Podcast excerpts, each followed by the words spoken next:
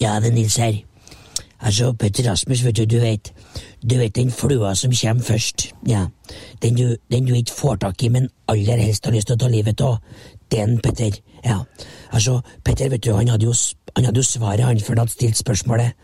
Men eh, du kan jo si det sånn, vi, vi fant jo fort ut at han var jo ikke akkurat det salteste potetgullflaket i posen, så det gikk jo på en måte greit av seg sjøl, det der. Hei. Oi, oi, oi, oi, oi! Vegard Heggen skårer! Og Rosenborg leder et nydelig angrep! Et nydelig angrep! Til bakken og Vegard Heggen her. Se det synet! Se det vakre synet!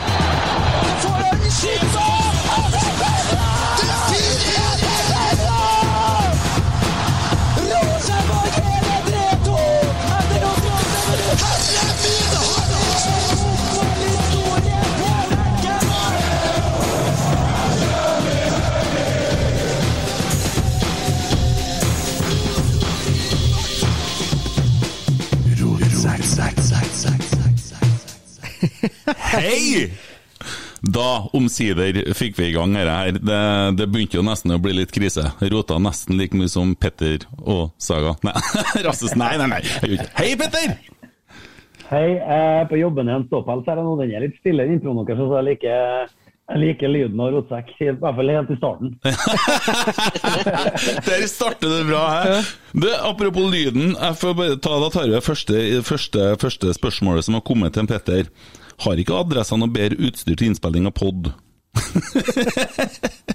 Eh, nei, svaret er jo egentlig nei. Men eller, eh, greia er jo at uh, vi har hatt veldig veldig strenge koronaregler. Så jeg og Ole har ikke fått lov til å være på adressehuset rent fysisk på ganske lang tid. Og så har jeg noen gode kompiser i Jegerpodden som fortalte, som tipsa meg om Squadcast. At det skal være så jævlig bra. Uh, og det er ikke så veldig verst, men det hjelper jo ikke når du har sånne handsfree til mobiler og mikrofoner. Da blir det jo dritt likevel. Sånn at eh, så vi er glad for at vi får lov til å være på kontoret igjen nå og, og gjort podkast. Men um, vi er ikke lydteknikere, eller verken meg eller Sagbakken. Nei. Eh, han, eh, han Arnfinn Berg som stiller spørsmål, han føler også på at det er flaut med så dårlig lydkvalitet. Og han lurer også på en annen ting, og det mener jeg at Kent Aune har spurt men Kan dere ikke spille lydklipp elektronisk istedenfor å spille lyden inni mikrofonen? Men der hadde du et svar. Men det har jeg, etter at du tok meg i skole, så har jeg jo skjerpa meg på det. De siste tre episodene så er det bare ren lyd. Mm. Så ehm, Ja. jeg, jeg trodde liksom at jeg trodde liksom at jeg skulle skape, eller at jeg liksom skulle dobbelt understreke at det var bootlegs på en måte, det i lydklippene vi spilte av. Mm. Og Derfor så gjorde jeg lyden ekstra ræva med vilje, men det slo ikke heldig ut. La meg flat og har justert kurs. Ja, det er en ydmyk mann. og så hadde jeg, Nå sitter jeg og ser deg, ser deg på Zoom, og så ser jeg at du har en gitar bakom deg, og jeg hadde jo forventa at du hadde et gevær der. Ja, men jeg har jo låst ned geværene mine, selvfølgelig. sant? For at, eh, Er du ordentlig jeger, så vet du jo hva du skal gjøre med dem når du ikke er på jakt. for Da skal de jo være låst inn. Så Ja. kan ikke på veggen. Nei, sånn Det som følger regl- reglene, vet du. Ja, ja, sånn, ja. ja. Jeg har jeg har jo låst inn en del gitarer som er på en måte mine gevær. Du har låst dem inn, ja? Ja, må jo det. De er jo livsfarlige, gitarene. Ja, nei, eh, Jeg har jo gitar. min gitar er jo en takk av mine, så det er jo, Ja. er jo noe billig drit som ikke Altså, du kunne ikke ha tatt på den her engang uten at du hadde blitt eh, dårlig, sant? Jo, hvis jeg hadde spilt på Vanvikan oppå, dere, oppå Nota, hva heter det, land, landgangen, så hadde jeg måttet ha spilt med en sånn gitar, for den kunne ha gått sånn. Jeg vet at det var litt lite folk den ene kvelden der når du samla glass, Petter, og jeg spilte, men, eh, men den slutten på kvelden oppå, oppå det der eh, eh, Ja, hva heter det? Det blir jo sånn oppå låven der, på en måte. Andre etasjen oppi der, ja. Ja, da var det fullt. Der var det mye folk. Ja, ja, ja, ja, ja. Det, jeg har faktisk en litt artig historie om akkurat det der. fordi at eh, jeg skulle videre dagen etterpå. Og det ble så artig at jeg klarte ikke å slutte den kvelden. Vi sto her, jeg og Børge Bekka og Grannes og hele gjengen og kauka. Vi kauka i to-tre timer, og så skulle jeg dagen etterpå da i bryllupet til en kompis på Orkanger og synge en sang i kirka. Som er for så vidt en veldig fin, rolig sang i vielsa. Og når jeg kom dit, så hørtes det ut som Ole Paus og Bjarne Brøndbo har fått et kjærlighetsbarn. Det var sånn her Jeg hadde ikke noe lyd. Det var så krise. men dette er vel en historie om uh, fra Kent Aune sitt gamle liv. vet jeg. Nå er det jo tynnere og mer seriøs, og det ville aldri skjedd nå. Eh, jo, men jeg var seriøs da, og jeg var bare tjukkere. Så Ja ja. Gutta, Rosenborg har vært i Bodø og spilt uh, fotball. Og uh, Sist så satt vi og refererte til Nidaros, men vi kan jo ikke gjøre det i dag. Nå himmelen det Og det må dere jo bare gjøre. jeg fikk jo beskjed om det at eh, Nei, de snakker bare om adressa likevel, dem. Så tenkte jeg greit, vi kjører en hel episode kun med Nidaros-prat, men i dag så har vi jo med oss en fra adressa, Petter Rasmus. Velkommen skal du være, du er modig. Takk for det. Eh, Så, som jeg sa til deg, det er jo artig for dere at dere kan snakke med noen gang, og ikke bare om. Mm. Så da tenkte jeg det kunne være fint å stille opp. Eh, Nå blir jeg jo overraska hvis dere har noe særlig horn i sida til meg nå, da, i det siste. Men jeg har jo hørt litt på dere. Jeg syns det er artig. Altså, jeg liker jo eh, verbal juling. Det skal jo være sånn. Det er jo det fotball handler om. Og jeg, så jeg, du har jo på en måte nesten unnskyldt deg til meg en gang. Det, det, skal du, det skal du få slippe å gjøre noen gang. Så lenge det handler om det jeg skriver, Mm. så kan du melde hva som helst. Mm. Det er godt å høre. Hadde jo verbal juling i seg sjøl holdt, så hadde jo, Vik så, så hadde jo Viking vunnet mot Rosenborg. Løkberg alene, mener jeg. Ja, ja. Absolutt. For å ta den. Men Rosenborg-Bodø, hvor i all verden skal vi begynne? Hvis vi skal summere opp den kampen her, vi, jo, den, de, de er jo, vi er jo nettopp ferdig. Spør du meg? Ja, jeg spør deg! Nei, altså jeg er jo ikke så overraska over at Bodø-Glimt er et bedre fotballag enn Rosenborg eh, kollektivt. Eh, for det var de hele fjor, og det tar tid å bygge nytt for Rosenborg òg. Eh, så er det eh, Det er jo en setning som Åge har sagt egentlig bare én gang, men som har hengt seg fryktelig fast hos meg. Han sier at hvis vi ikke vinner, så skal vi i hvert fall ikke tape. Og det, det har de nå fått til to ganger på bortebane mot eh, de to beste, eller kanskje er de to vanskeligste bortekampene de har gjort unna, og kommet unna med poeng begge gangene. Det er ikke ræva, det. Jeg syns ikke det. Men, eh, men de møter et mye bedre kollektiv enn seg sjøl i dag i Bodø. Eh, det er ikke flaut å innrømme heller, spør du meg. Jeg, Jeg, er over, jeg har sett, fulgt med litt på chatten vår. Så litt sånn her, jeg er jo overraska over hvor overraska folk er over det. Mm. Fordi at Hvis du sammenligner med i fjor, da, det er ikke så lenge siden i fjor. vet du. Det er ikke spilt så mange fotballkamper siden i fjor. Og jeg syns jo Rosenborg har tatt store steg. Og så syns jeg jo Bodø-Glimt er omtrent like god som var i fjor. Og så er det jo det er jo ganske typisk at han som ikke fikk plass på Lerkendal, skårer etter ti minutter. selvsagt, og Det måtte jo bare bli sånn. Ja, jeg, jeg, Vi har jo herja litt med Botheim her. Eh, det går jo litt på Jim Solbakken. Vi kan hende at vi kommer inn litt mer på det etterpå. Men altså, og han har vært kul. Han svarer oss, han eh, melder litt. eh, han er på ballen eh, i forhold til oss. Og det er artig, for det ser vi. Men det jeg så i dag, som jeg syns han fortjener litt ros for, det var når at han Emil Seid fikk seg en skikkelig kavring, ble slått lufta ut av. Så du hvor oppriktig bekymra Botheim var for han Seid, eller? Ja, Erik Botheim er en god gutt. Han eh, har jo selvsagt Det går an å stille spørsmål ved de rådgiverne han har, uh, selvsagt. Men det kan jeg på en måte overlate til dere gjøre. Jo, jo. Så, men så, så er han en veldig ålreit fyr. Vi hadde han jo i podkast. Han, han er rett og slett sympatisk. Når han er hjemme i Oslo, så bruker han jo masse tid på treningsanlegget til Lyn. Han legger igjen mye tid og mye oppmerksomhet og mye rett og slett energi i de unge guttene som, eh, som kommer der. Han er en bra fyr. eh, og så virker han Han kan liksom virke litt overlegen og litt eh, oppblåst, men det, det, det er ikke sånn han egentlig er. sånn at uh, Jeg unner Erik Botheim alt godt, uh, bortsett fra når han spiller mot Rosenborg, selvsagt. Og så, og så tror jeg jo det er lettere å se ut som en god fotballspiller i et så godt kollektiv som det Bodø-Glimt er nå, enn det f.eks. Rosenborg var i fjor. Mm.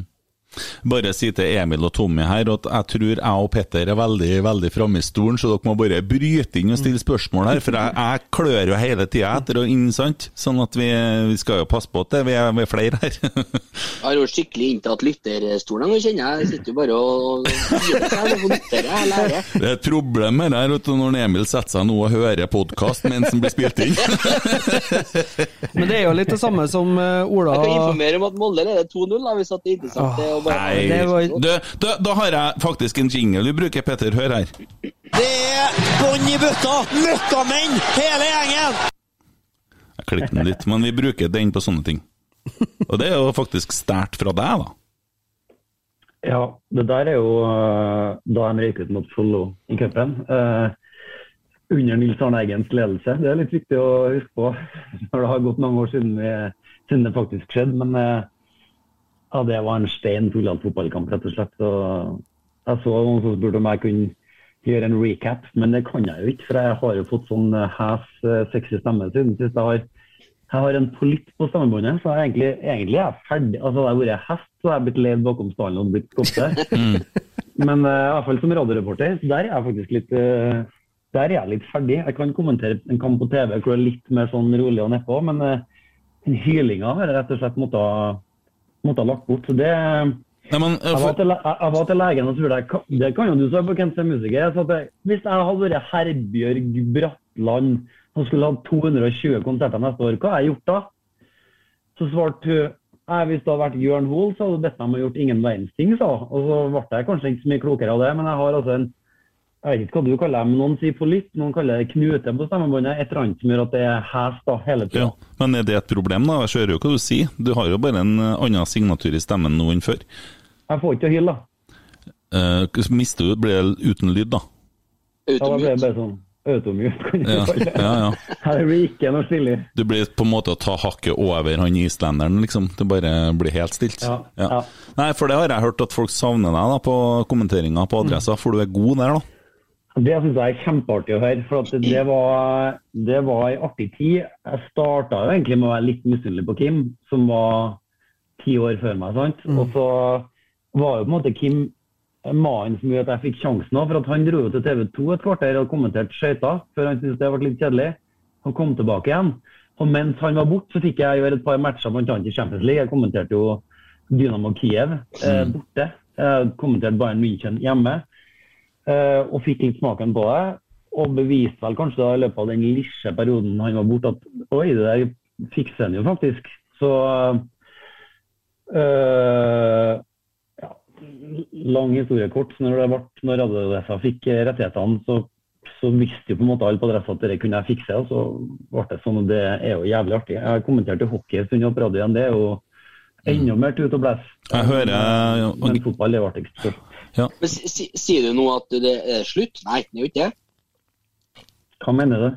Er, er du ferdig med å kommentere det du sier? Altså, Nei, altså, ferdig Men er bare- med å kommentere. Nei, vi har jo ikke noen rettigheter nå, sant. Vi har jo, eller, vi har jo treningskampene. Ja, ja. Altså, Vi, når jeg sier vi, så er det så. Vi har rettighetene til treningskampene til Rosenborg og Ranheim. Um, og dem eh, kommenterer vi på TV, men det er ikke noe, vi har jo ikke noen radioadresser lenger. og den raden når Jeg reiste rundt, ikke sant? Jeg jobba jo hver helg i hvor mange år det var. Alle kommenterte jo i bunn og grunn alle Rosenborg-kampene. Den tida er jo forbi, for at vi har ikke noe, vi har ikke noe radio. og det, det, med dagens marked vil sikkert det aldri igjen skje heller. Nei, jeg vet da søren. Vi kunne jo hatt nettradio, selvsagt, men eh, det er jo mye kål med rettigheter og sånn der, så jeg er litt Ja. usikker på hvordan det faktisk eh, hadde fungert. Om det hadde gått. Det er litt artig, Emil, når du er såpass hes nå, så høres du faktisk ut som han som starta episoden her.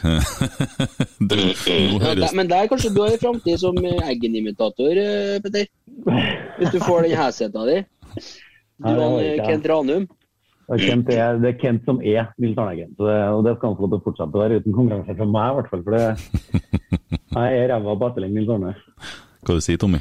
Nei, eh, han snakker jo mye om at han var mye ute og reiste og sånne ting, og i forhold til det han starta med kommenteringa si. Og da, vi har jo fått noen spørsmål på Twitter, og da passer det ganske bra med det Twitter-spørsmålet fått fra Emil Almås. Og det er Petters sykeste bortetur med Rosenborg. Ehm, det som er så rart når du kommenterer matcher på radio, er at du ikke husker kampene etterpå. For at radiokommentering er liksom en sånn uendelig rekke med øyeblikk etter hverandre. Så du husker, jeg husker ikke kampene. Jeg husker liksom alt det rare som skjedde rundt.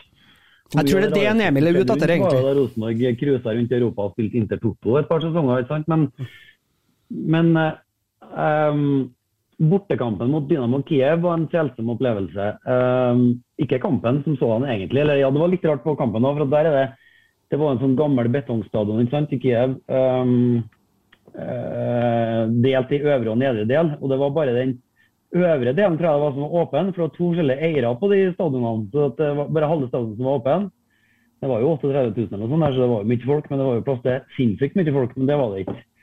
Det som var litt spesielt, det var Altså, dette var jo 2000, så lenge siden. så er jo ikke, altså Detailsen kan være noe blurry i kantene, men uh, man skal jo ikke ta livet av en god historie med å liksom søke sannheten. Men sånn som jeg husker det, da, da vi kom til Kiev, så fikk vi visum ikke sant, uh, for å komme inn i landet. På baksida av det visumet var det glanset papir for en stripeklubb. Den var tilfeldigvis i kjelleren på hotellet vårt. Det var nå det ene. Når vi kom til hotellet, så var det så mye horer at vi måtte gå sidelengs for å komme til heisen. Eh, eh, og så For å ikke navngi noen her, da, så var, altså, det ble jo snakk om om vi ikke skulle ta oss en tur ned i kjelleren mens vi var her. og det så var det en kollega av oss da, han skulle absolutt være med, for han var familiemann og han var seriøs. Men vi fikk nå overtalt han til å bli med. Og når vi skulle dra derfra igjen, så ville ikke han være med. Så, for da satt han med ei dame på hvert fang og hadde det kjempemessig. så, så det var greier, ja. Det var en, eh, et, et æresmedlem i Rosenborg som spydde full en hel sånn, du vet, I gamle dager så var det sånne, sånne um, askebeger, sånne høye askebeger med søppelbøtte under. Han spydde full hele den sylinderen, husker jeg. eh. Så det foregikk saker og ting i Kiev. Ja. Akkurat. Jeg skal prøve å rette oss litt tilbake til Bodø igjen. Jeg vil at vi skal litt mer innom den. Har vi laga oss noe sånt kunstgresspøkelse, vi? Altså, Jeg har jo tenkt på at vi, Rosenborg har nå en trener som har rukket å snakke veldig mye om at han ikke liker kunstgress. Mm. Eh, det kan jo fort spre seg. Hvis det er sånn man skal gå rundt og ikke like kunstgress, så har man litt, kan man jo potensielt i hvert fall ha et problem. For man skal jo spille halvparten av kampene på kunstgress, eh, så man må nå bare forholde seg til det. Eh, men jeg syns jo Rosenborg så helt annerledes ut i dag enn de gjorde mot Vålerenga. Altså, I dag så vil de jo prøve å skape trøbbel for Bodø. I- Mot Vålerenga så var de jo hakket mer forsiktige, følte jeg i hvert fall i starten av matchen. Mm. Sånn at øh, Han har jo sagt at man skal, ha litt sånn, man skal spille annerledes. Man skal være litt mer avventende. Man skal være litt øh. Man skal, man skal starte med å være litt forsiktig. Det er en vanskelig øvelse. Hvis du starter med å på en måte være litt forsiktig, så kan du fort bli defensiv, og så kan det fort bli trøbbel med presset. og Så, så kan du bli litt på hælene liksom, hele veien. Mm. Det så ut som de hadde justert litt for i dag. da.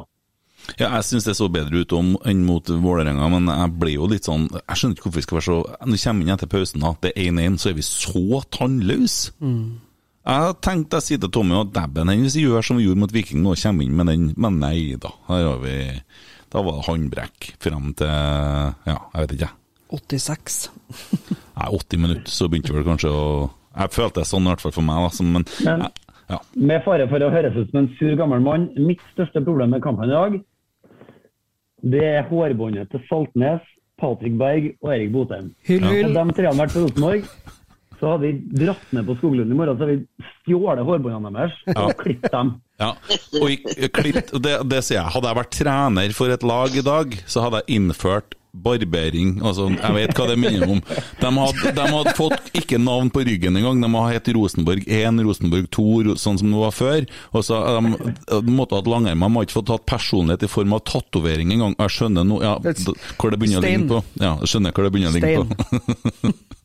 Men eh, det, da har du, får du bygd lag, da. Ja, jeg er enig, jeg skjønner ikke det hårbåndgreia. Du har én jobb. Du har én jobb, du skal se ballen, du jobber, du tjener en million i året, du skal få til det der. Og så har du hår i øynene. Ja, men se på en Patrick Berg, han har faen ikke langt hår engang. Han er stygg på håret. Han er fin, da. Ah. Han er fin, da. Nei, han er stygg på håret. Ikke med hårbånd, nei.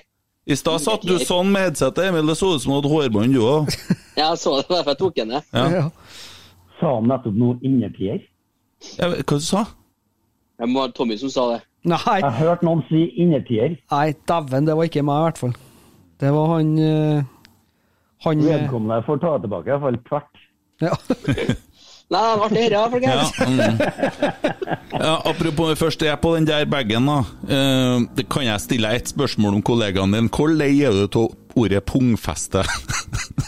Veldig veldig lei av det. Du har sikkert merka at jeg har aldri sagt det. Eh, Men det hjelper ikke. for Jo mer jeg adresserer det, jo mer synet. Så jeg bare ignorer, kjører ignoreringslinja når han melder. Jeg, jeg, jeg tenkte jeg skulle begynne å foreslå det, for jeg har kommentert det noen gang. Og så har jeg òg en annen ting som jeg kanskje reagerer litt på, men det er mulig at jeg er en sur gammel kall òg. For at når det sitter en mann der som har deltatt i Champions League Champion Leagues, som man sier.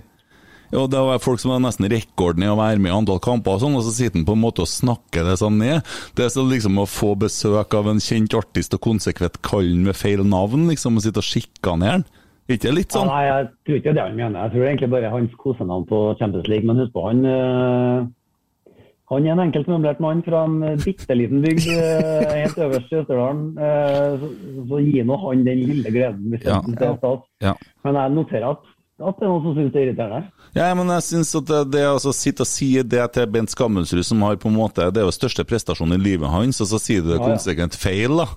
Det liksom kommer en Vebjørn Rodal, så sier jeg du, når du vant den 900-meteren der, eh, greia der, steinbra. Men eh, Ja.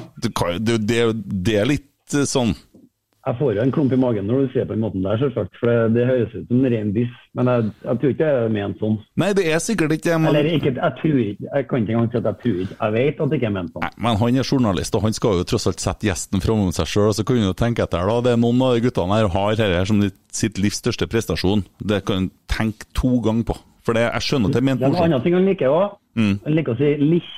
Ja, Lich, ja. Bitte lich-Ivers. ja. Uh, ja. Lich og bittlich, det liker han. Mm. Det Men det er han, du skjønner, til oss er det sånn at det er han som skriver manuset. Jo, jo, det har jeg registrert. Så jeg, jeg kan ikke ja. det. Men for all del, jeg skal være helt ærlig nå. Eh, Rasmus og Saga er min favorittpodkast, Rosenborg-podkast. Det har vært eh, Rosenborg-podkasten min siden dere starta. Eh, og det, det er lenge siden det nå. Veldig lenge siden. Ja, vi passerte jo 200 podder når vi hadde eh, Åge sist, så det var et slags jubileum. Ja, og det er steinbra. Uh, Jeg, med jeg tenker sånn at Rasmus og Saga, det må du ha med. Og så kan du velge, velge ut hvilken supporterpodkast du vil uh, ha med i tillegg til å krydre litt.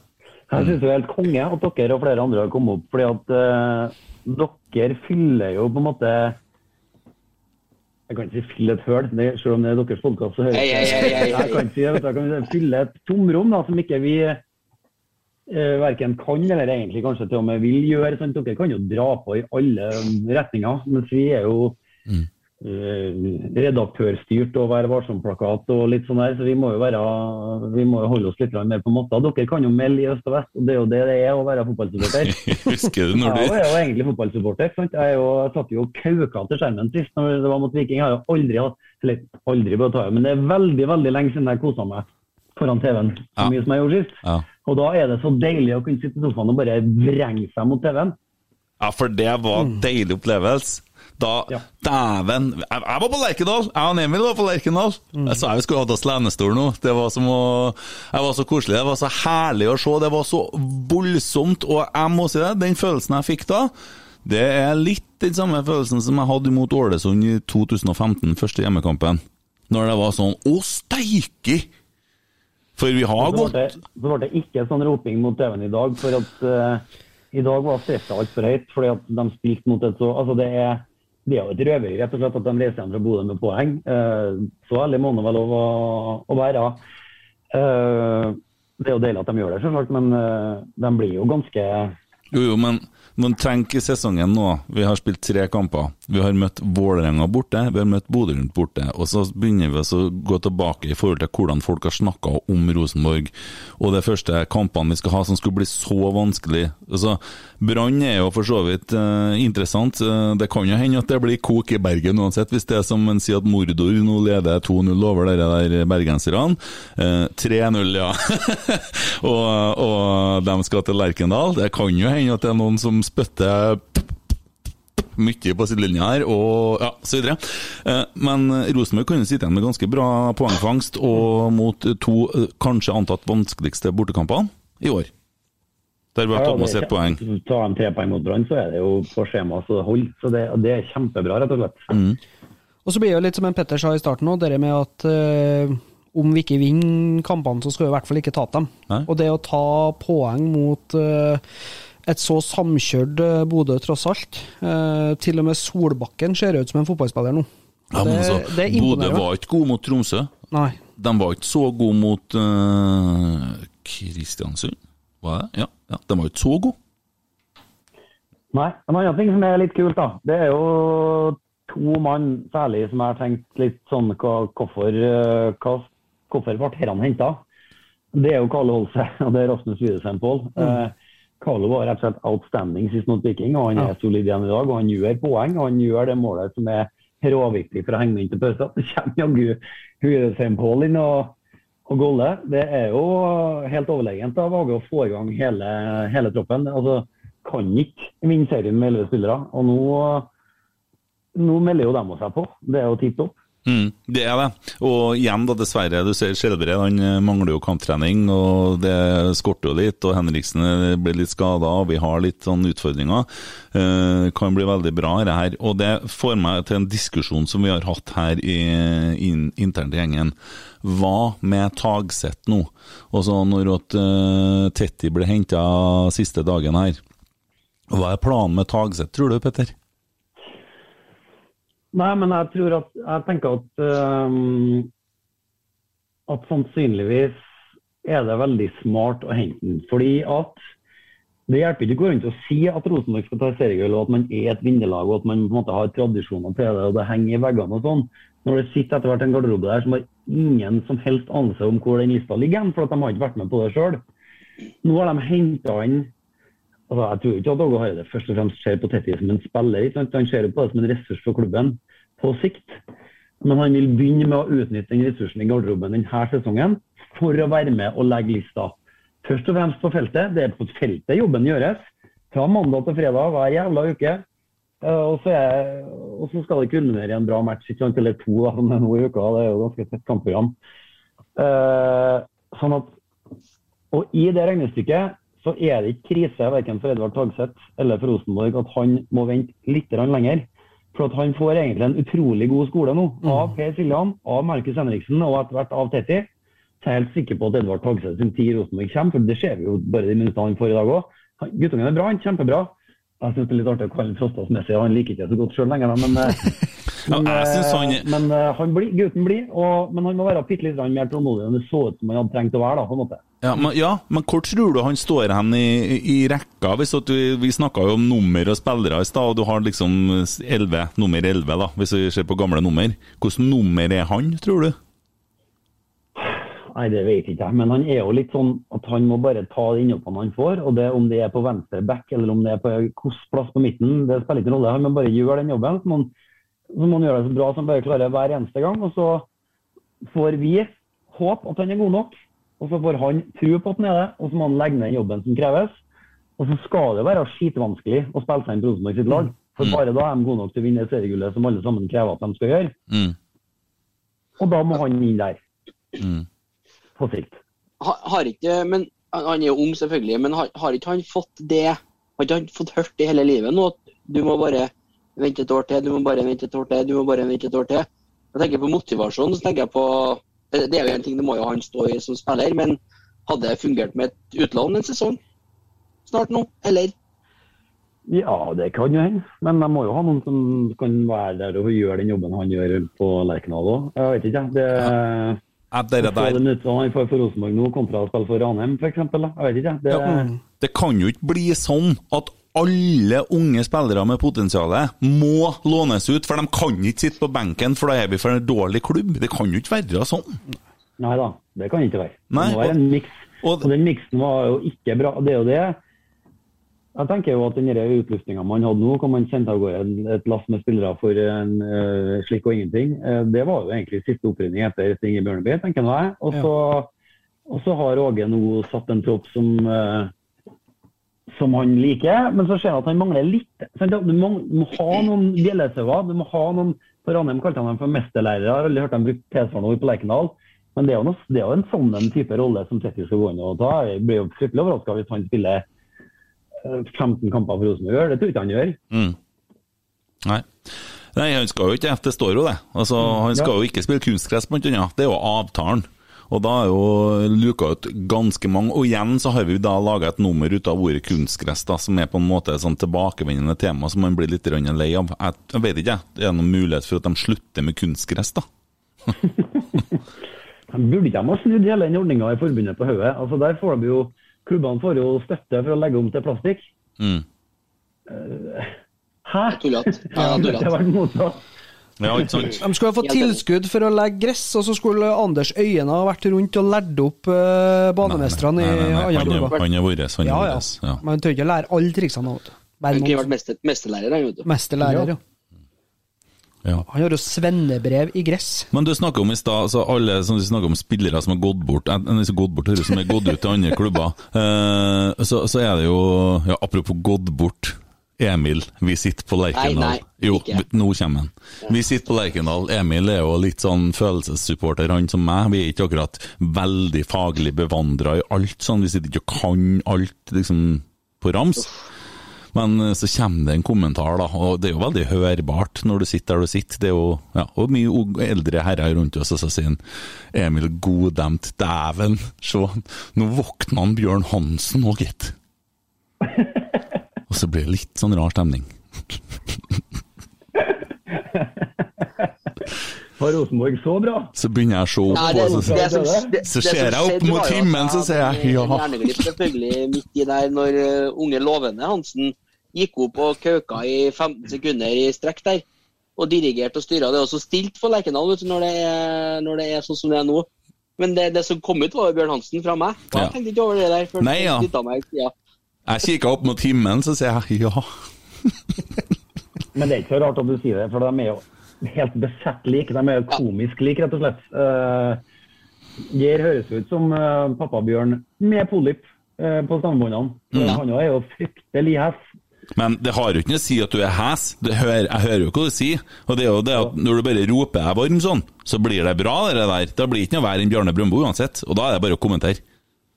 Så Geir Hansen eh, han fortjener all ros og skryt han kan få. Han jobber 24-7, bokstavelig talt. Eh, Jeg liker at du holder er tråden. kvelden. Altså, Jeg trenger et videoklipp fra, fra Viking første kvarteret sist. Ja ja, da sitter han på natta og lager det. Ja. Jeg liker at du holder tråden. Jeg liker at du, du har litt sånn Skal du jobbe mer her, du? jeg vil ikke få deg tilbake på stemmen din, men jeg sier at du må bare fortsette å kommentere, for det går veldig fint. Ok, Fordi at du bare roper deg varm, så kan vi ta noen sånne øvelser. Eh, Men jeg skulle si at alle spillerne som vi har på en måte plassert rundt omkring, som vi har sluppet Jeg tror at vi har sluppet veldig mange gratis fordi at vi er nå i korona, og vi hadde noe inni helsike til lønnsutgifter, og sånn ble det nå. Pluss at du har Jim Solbakken oppe der som dere sikkert ikke kan skrive så veldig mye om. Vi kan jo si så mye vi bare vil. Vi kan jo legge ut bilder på Instagram av han i sånn fangedrakt og sånne ting, vet du. Det gjør ikke noe, det er ingen som tar oss på det. Annet enn i radio, men de må jo følge med. Og eh, så kan vi begynne å se på alle spillerne som er rundt omkring, og så når folk sier 'Jeg så der, jeg sa det', og Rosenborg slipper han der, og så kan vi begynne å gå rundt på alle klubbene og se hvem som har vært i Rosenborg. Ja, det er mange. Vi har ikke hatt plass til dem på en elver, nei. Vi... så nei, jeg vet ikke. jeg. Er det mange, tror du? Og det er mange, ja. Men det gjelder ikke bare Rosenborg. Det er jo Premier League. Det er, det er masse klubber som slipper spillere som blomstrer andre steder. I Norge òg, så det er ikke noe, det er ikke noe sær-rosenborgsk fenomen. Nei, og vi kan jo ikke holde på sånn som Chelsea og ha spillere overalt. Og de har 40-50-60 spillere sant, som, var, som bare du har ja, spilt imot sjøl til slutt. Det blir, blir litt eh, voldsomt. Men eh, det er jo verdt å merke seg at eh, jeg så noen Hva, Pål André Helleland starter ikke i dag, han? Nei du, han er ikke med i troppen, gitt. Hm. Hva kommer av det? Nei, han er vel skada, eller? Mm. Ja, ja. ja nei. Gjermund Aasen, da? Han spiller sikkert. Han spilte. Jeg vet ikke hvor fikk jo finlese startelverne til Lillestrøm, så det har ikke jeg fått med meg. Nei, jeg vet ikke hvor Jo, han spilte, for han er på en måte, var jo på en måte ankermann. Men eh, hvis vi skal summere opp eh, kampen i dag i Bodø, da? Hva sier Skal vi? vi, skal vi innom noe terningkast, eller? Vi kan jo gå og bruke adressene sine. Ja, du skal dra det helt Skal vi ta hele fjøla, liksom? Ta fort og gæli? Ja, styr Sånn showet. vi, sånn som vi bruker, eller skal vi Ja, vi- kom igjen. Ja, ja, ja. Bruk adressa sine. Vi er rause i dag. Kan dere ta frem egen øks nå, så svinger den i alle retninger? Få høre. Dra på litt nå. Ja. Da er én og én. Emil, ta les opp navnene, da. Ok, Da begynner vi med André Hansen i mål. Mm. Er vi på én til ti? Eh, Det kan jo være. Ja, du er egentlig, egentlig, egentlig en veldig vanskelig øvelse å gi terningkast til Rosenborg-keeperen. For at I en normal fotballkamp så har jo han utrolig lite å gjøre. Enten så redder han de to ballene som kommer, eller så går en av dem inn. Og hva, liksom, Hvilket terningkast skal du gi en nesten arbeidsledig keeper? Det, det har vi faktisk snakka om. at det er, litt, det er vanskelig å sette børs på André Hansen ofte. mm. Nei, men eh, han lever i dag. Han gjør jo ikke noe nevneverdige feil. Det er jo, han har jo vel òg noen gode redninger, uten at jeg har sittet og notert meg i hjel her, så Men han er på igjen, han. Ja, ja. Ikke si ordet 'ta opp hansken', ikke si det ordet, for at jeg er lei av Alle sier om alle nå. Tar opp hansken, ja, tar opp hansken, ja. hold den, tatt opp hansken. Han har i forhold til Tatt opp hansken. Ja, han har noe hansker i hvert fall. Ja, ja, ja. ja, ja, ja. Nei, og målene er vel uttakbare, ikke sant? Jo. ja. Sånn sett. Sju. Ja. Sju. Tommy, Det, det var noen som holdt pusten når han sprang ut der. og Den duellen med Solbakken på tampen her Jeg trodde, jeg trodde det var at han ikke var på ball, helt til jeg så reprisen fra rett vinkel. Det var egentlig veldig bra inngripen. Fikk gitt litt juling. ikke på sju. Jeg, jeg lå med halv. Eller? Nei, hvorfor skal du begynne å være sånn sju, kunstnerisk? Sju. Ja. For det er mer over på Jeg kjører ren følelser. Ja. Normalt så skulle jeg én eller ti, men nå prøver jeg å være litt nyansert.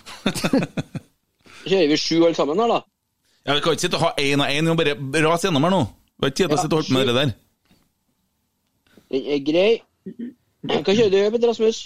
Som jeg, du, Nei, er vant til at for, folk kaller deg Petter Rasmus? Jeg føler at du heter det, du, men det er jo to navn. Ja, det er egentlig en historie, det òg, men den kan jeg jo Jo, jo. Veldig, veldig, veldig veldig kort. Altså, Kjør kjør jeg- Så den nye navnet, altså Jeg heter jo egentlig Petter Rasmus Guldal Holm opprinnelig. Og så, når jeg eh, skulle jeg begynne i P4, så tenkte jeg faen, jeg kutta litt bakfra. Så jeg tok av de to, to siste, så ble det bare Peder Rasmus. Så trodde alle sammen at jeg het Rasmus til etternavn. Så kom den nye navneloven, så jeg tenkte ja, kanskje jeg skal søke om å hete Rasmus til etternavn, da. Så var det 37 stykker som heter det. Og da må jeg ha skriftlig tillatelse fra alle sammen. Så gjorde jeg et utskrift, for da er det beskytta etternavn. Så gjorde jeg en utskrift på folkeregisteret, og da er altså de bor i eh, Karasjok og Kautokeino og Alta og sånn. Det er et samenavn. Så jeg så for meg sjøl på kryss og tvers over vidda med, med den beholderen bakpå skutteren full av sprit for å få underskrifter, men det gidda ikke jeg. Så, så um, jeg tok navnet til kona mi isteden. Så jeg heter Petter Rasmus Lyng da, liksom, totalt sett, men det står det bare på førerkortet mitt og i passet. Ellers så heter jeg bare Petter Rasmus. Tok, navnet til, tok du navnet til kona di? For øvrig oppkalt etter Rasmus på Loffen, for det hørte mora mi på radio når jeg var lita. Ja. Er, er du oppkalt, har du tatt navnet til kona di? Jeg heter ikke Rasmus, nei. Nei. Ja, ja, akkurat. Det er litt sånn som Tommy. Du òg kjører litt sånn Ja, men jeg har mitt som siste. Ja Da. ja, men Nok om det. Nok om det. Hår, hårbånd og konas navn, Ja. hvorfor ikke? Ga, ga du, Petter Rasmus, ga du, ga du men- terningkast, du? Jeg er med på sjua, det er fint, det. Yes. Da er vi på Erlend Aletan, vi.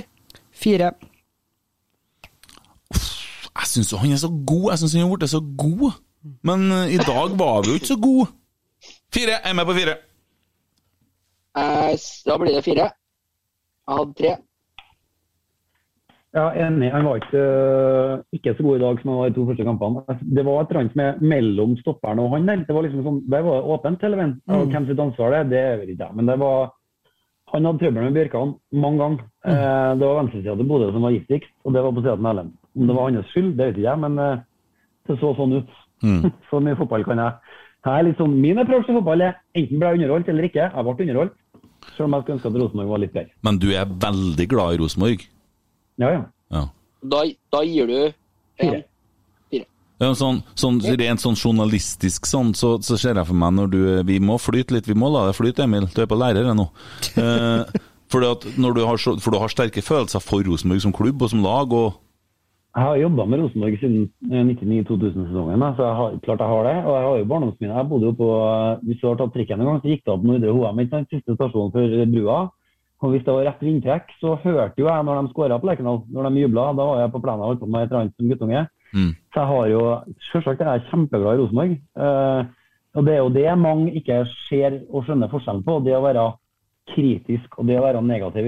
Det er jo den skvisen man står i som journalist hele tida. det at du er negativ, det skal vi ta Det skal dere er tida. Det er jo egentlig ikke det vi er. Vi prøver jo bare å holde dem opp mot det de sjøl lover. Mm. Når Rosenborg sier de skal være Norges beste fotballag, og ikke har vært det siden 2017, da blir det litt, eh, da blir det en del kritiske spørsmål. Og nå sa du noe ganske interessant. Ikke vært det siden 2017. Men vi vant serien i 2018 òg. Ja, Mm. gjorde det. Og det er jo ganske, Der kunne man jo hatt en egen podkast om, for der er jo mange meninger, og sånn, men det er jo ikke alt man kan si høyt, sikkert. Men uh, mye drit som skjer i det tida hver. Men uh, hva ga du i terningkast, sa du? Jeg sa fire. Fire? Ja, men da er det fire. Ja, ja, positiv. Ja, ja. Holmar, jeg gir den en femmer, jeg. Tommy? Burde ha, burde ha skåra. Ja. Ja, Fem er greit, egentlig. Gjør ikke noe gigafeil, men uh, litt under pari. Ok, Da må jeg bli med på denne. Jeg hadde fire. Streng du er, Emil. Ja, litt streng. Jeg syns det er en stor fjær i hatten til begge midtstopperne at Åge nå har lagt bort prosjektet Markus Henriksen som stopper. Altså Nå er noen skader, så det ikke kunne ha vært det. Men, men det sa han jo ganske direkte, at begge to har tatt utfordringa på strak arm. og det det syns jeg vises på meg. da. Jeg synes uh, Akkurat nå har uh, Rosenborg en midtstopperpar med bra mål på kassa. Altså. Mm. Så det uh, syns jeg er bra. Det er vel spesielt han vi kommer til nå. Ja, men hva gir du en uh, Ørn, da? Jeg liker ikke å skille på midtstopperne. Er Eller jo, det gjør jeg egentlig. Nå løy jeg. Eh, eh, ser vi har, altså vi Adressa har eh, gjort forskjell på dem i dag med fire til Holmar og fem til Even. Eh, ja, det, er noe, det er i landet der en plass, Ja. tenker jeg. Du gir den i landet, ja. ja. Even, da? Da gir du en Even. Tørs du å mene noe annet enn adresse, eller? Det, det syns jeg. Hm? Sa du meg? Ja, jeg sa det til deg, jo. Å ja, nei, fire og fem er greit, det. Jeg syns det, det høres greit ut. Ok. Men Even Hovland har fått ufortjent mye drit eh, siste tida, syns jeg. For han har virkelig vært god i år. Det, spesielt crossoverpasningene hans er jo helt ja, rå. Ja, de er elleville. Og det er helt åpenbart et angrepsvåpen som de har trent en god del på. Men derfor han spiller på den sida, for at han skal crosse til Emil litt. sant?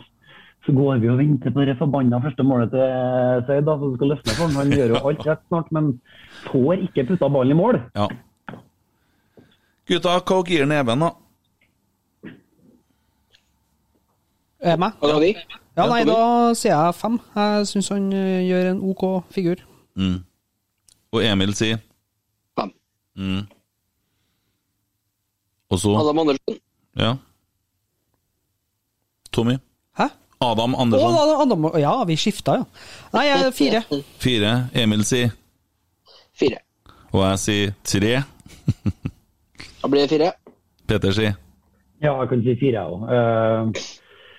han blir ikke så pressa som Erlend på andre sida, og kommer sånn OK ifra det. Men eh, jeg går og venter på han som har vært skada. Jeg tenker jo at han er et knepp bedre.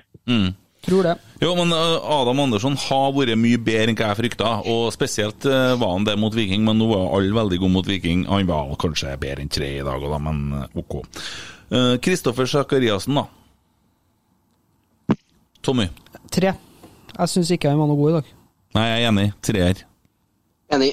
Mm. Herregud, nå er vi enige. Mm. Vebjørn Hoff?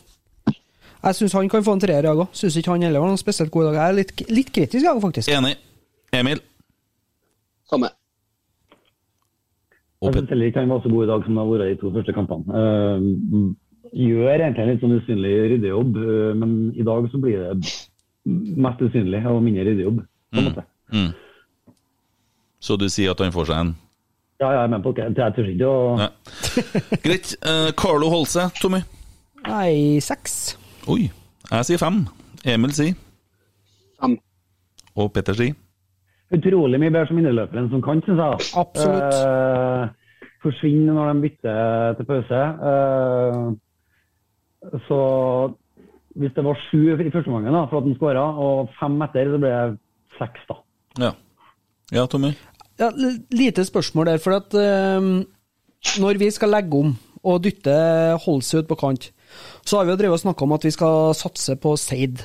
Eh, og hvorfor blir han bestandig dytta over til venstre, når vi på en måte egentlig skal reindyrke på høyre? Ja, det skjønner ikke jeg. Det kan nok ha mye med å endre kampbildet, eller at du skifter et type angrepsmønster, eller varierer. Ikke Men du så jo fort eh, Ja, vi kommer jo til han, men du kan jo ta med en Seid nå, da. Du kan jo ta han nå. Nei, Jeg syns han kan få en toer, for jeg syns ikke han var god i hele tatt. Jeg er helt enig. Emil sier. tre. Og Petter sier Jeg sier òg tre. Leserne i Nidaros må vite har gitt 1,6 der. Det er dårlig, ass. Det er dårlig, ass. 1,6. Mm. Ja, det er strengt, ja. Ja. Da har du nesten bare møtt opp, egentlig. ja. Og dem, dem gir som regel De har møtt opp, men du har glemt å knytte skoen. Ja, men dem, eh, han kritikeren han gir en terning, og så gir som regel eh, leserne mer, da. Men her er faktisk verre. Eh, ganske ille. Uh, Guermo Mola Hva sier man det der? Si det skikkelig en gang. Få høre. Hjelp meg her nå. Guillermo. Nei, nei, men jeg kan jo ikke snakke sånn! Å nei. Guillermo, da. Ja, Der får du det. Her må vi fram med et kallenavn for å hjelpe sånne som har vokst opp ute i Vallersund. Altså. Men ha, har ikke kallenavn? Heter det Gisje eller noe sånt? Gi, Gije? Heter han eh, Åge? Gisje. Mm. Gisje, ja. Det, er jo- det ble ikke en likar. Gisje får du til å si. Gisje! Liskisjen, som han eh, sa han. Liskish. Det er greit, jeg Nei, skal det er sønnen, det. Ja. Liskish. Nei, men jeg skal hjem og øve på det der. Men uh, hva gir man? Han får noe terning etter, eh, eller karakter etter en omgang? Han hadde assist til Holse, da. Ja. Så få en eh, tre, fire, tre. Ja. Jeg gir en firer for at den er så kul. Emil sier Fire for at det er kul, ja. ja. ja, ja, ja. Kjører litt. Han har jo ikke hårbånd, i hvert fall. Bare det. Nei, jeg syns godt han kan få fem, for at det, det, er fortsatt sånn at mye bygges. Altså det, det lille de får til i første gangen, han, så er han involvert. Tenk, Eh, tenk, tenk, dere- tenk dere når han der blir matchfit. Fytti. Ja. Det er mye fotballspillere der, altså. Mm. Ja, Ja. jeg snakka jo med en som spilte på Rosenborg i fjor. så når de skulle møte Sarpsborg borte, så satt de i garderoben og lurte på om det var Ronaldo de skulle spille mot. Når eh, Åge hadde snakka seg varm om eh, spissen til Sarpsborg. Mm. Eh, Så han mener helt åpenbart at han er en dritgod fotballspiller. Eh, Det var jo i 14 og 15 og så har han vært mye skada. Men du ser jo at det bor uendelig med fotball igjen. da. Så hvis han bare kommer seg i orden, som, han- som blir sagt her, så, Mm. så tror jeg det er en spennende tilvekst for Rosenborg. Virker som han er veldig god til å spille dem rundt seg god. Slipper ball i riktig tidspunkt og ja. Jo, men nå snakker vi om kampen her, Ja. og spørsmålet blir jo til slutt her hva han bedre enn Holse. Sant? Hvis vi skal finne dagens rotsekk, som vi liker å kalle det, som er egentlig noe positivt i denne sammenhengen, så vil jeg vel ikke si at han er bedre enn Holse i dag. Nei. Men uh, vi har igjen uh, Vecchia. Tommy? To. Ja. Jeg syns han jo er helt uh. Helt bort. helt bort, ja. Og han skal, prøvde- hårbånd. Og kjørte han opp som spiss en stund. Ai, Det var ai, ai, natta. ai, uff, uff. Ja, det var ikke bra. Jeg er litt skuffa over at dere gir ham to. Jeg, jeg trodde dere landa på det. Det er nære stolpe på en supporterpodkast. Mm. Det er artig, artig at Adressa er mer positiv enn oss. Vi måtte ned på en to for å få dem opp. Vi, vi ofrer oss for å få deg bra her nå, Petter. Altså, jeg vil jo gi den mye mer. Jeg trodde dere skulle liksom dra på her. Jeg trodde ikke bare å dele ut sånne feige karakterer. Ja, litt feige. ja. Vi, ja. Nei, Så har jeg, gitt ord sjøl, da. ja. Men, men, vi, men vi er jo redaktørstyrt, så det kan vi bare dra på. Nei, men han var fullstendig usynlig, da, og han utretter jo fint lite. Det hadde jo faktisk vært bedre å ha Sakariassen på venstresida, sånn som vi husker det i fjor. Det har vi jo del, del kanskje ikke Mareritt bare, ja, ikke bare positive tanker om. Jeg, jeg, hadde jo fem på han helt til de zooma inn og så armbåndet. Ja. Det er mye der. Det var én som spilte seg opp på en toer. Mm.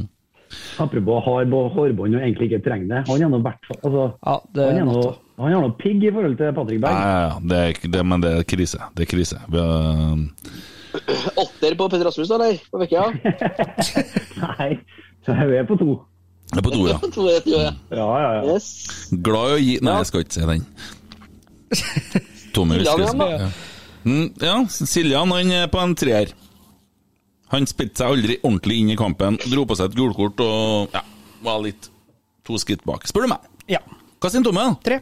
Enig med meg, vet du. Ja, jeg syns ikke det er noe Han tør ikke, annet. han bekka nettopp et kolli over foten min her, som står under bordet her. Uh, står en stor kasse her som han velta.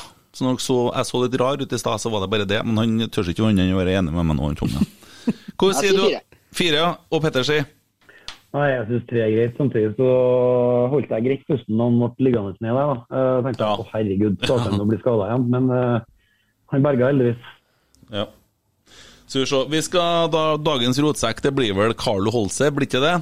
Og Vi skal da bare gi en Det er litt vanskelig å høre det der på Zoom, men vi har jo den her blåsepistolfanfaren som en mann har spilt på verksted for oss, da, så vi bruker nå den, ja. Vent litt.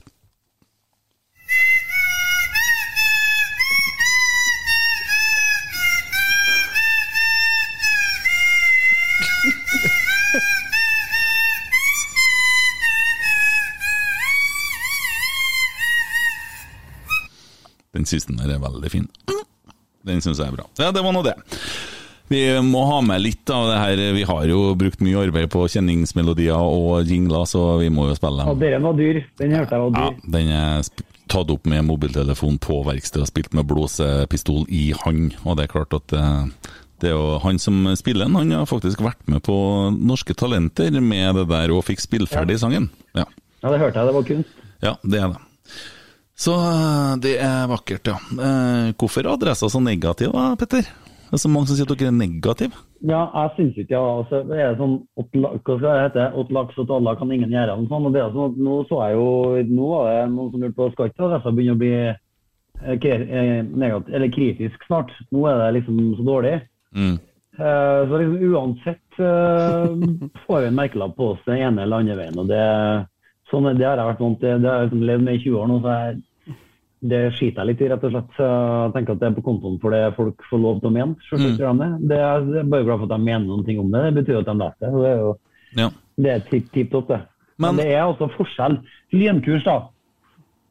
Rolleforståelse handler om sant? hva er jobben min. Eh, og så er det det der med hva er forskjellen på å være kritisk og være negativ, som altså ikke er det samme, men som på Nordre gate er det. da, ikke sant?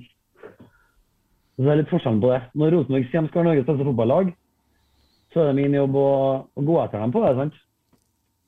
Og Noen ganger så kan det jo sikkert oppfattes som gnegging, og til og med nesten ganning, men det er jo ikke det. Det er faktisk sånn at det ligger i bunnen for at vi skal være grunnleggende entusiastiske til Rosenborg. Det snakker vi om hvert år. Ja. eh, Det blir jo litt sånn når jeg da åpner adressa, og det er en side med antall spillere som har gått fra Rosenborg og alt mulig sånn, og jeg skjønner jo at den virkeligheten har ikke du skapt. Nei, Nei. har ikke jeg. Det forstår jeg. Og, det er så er det med å danne et forklaringsbilde på hvorfor det er sånn som det er nå, på mange vis. Eh, Rosenborg sier sjøl at de skal være en selgende klubb.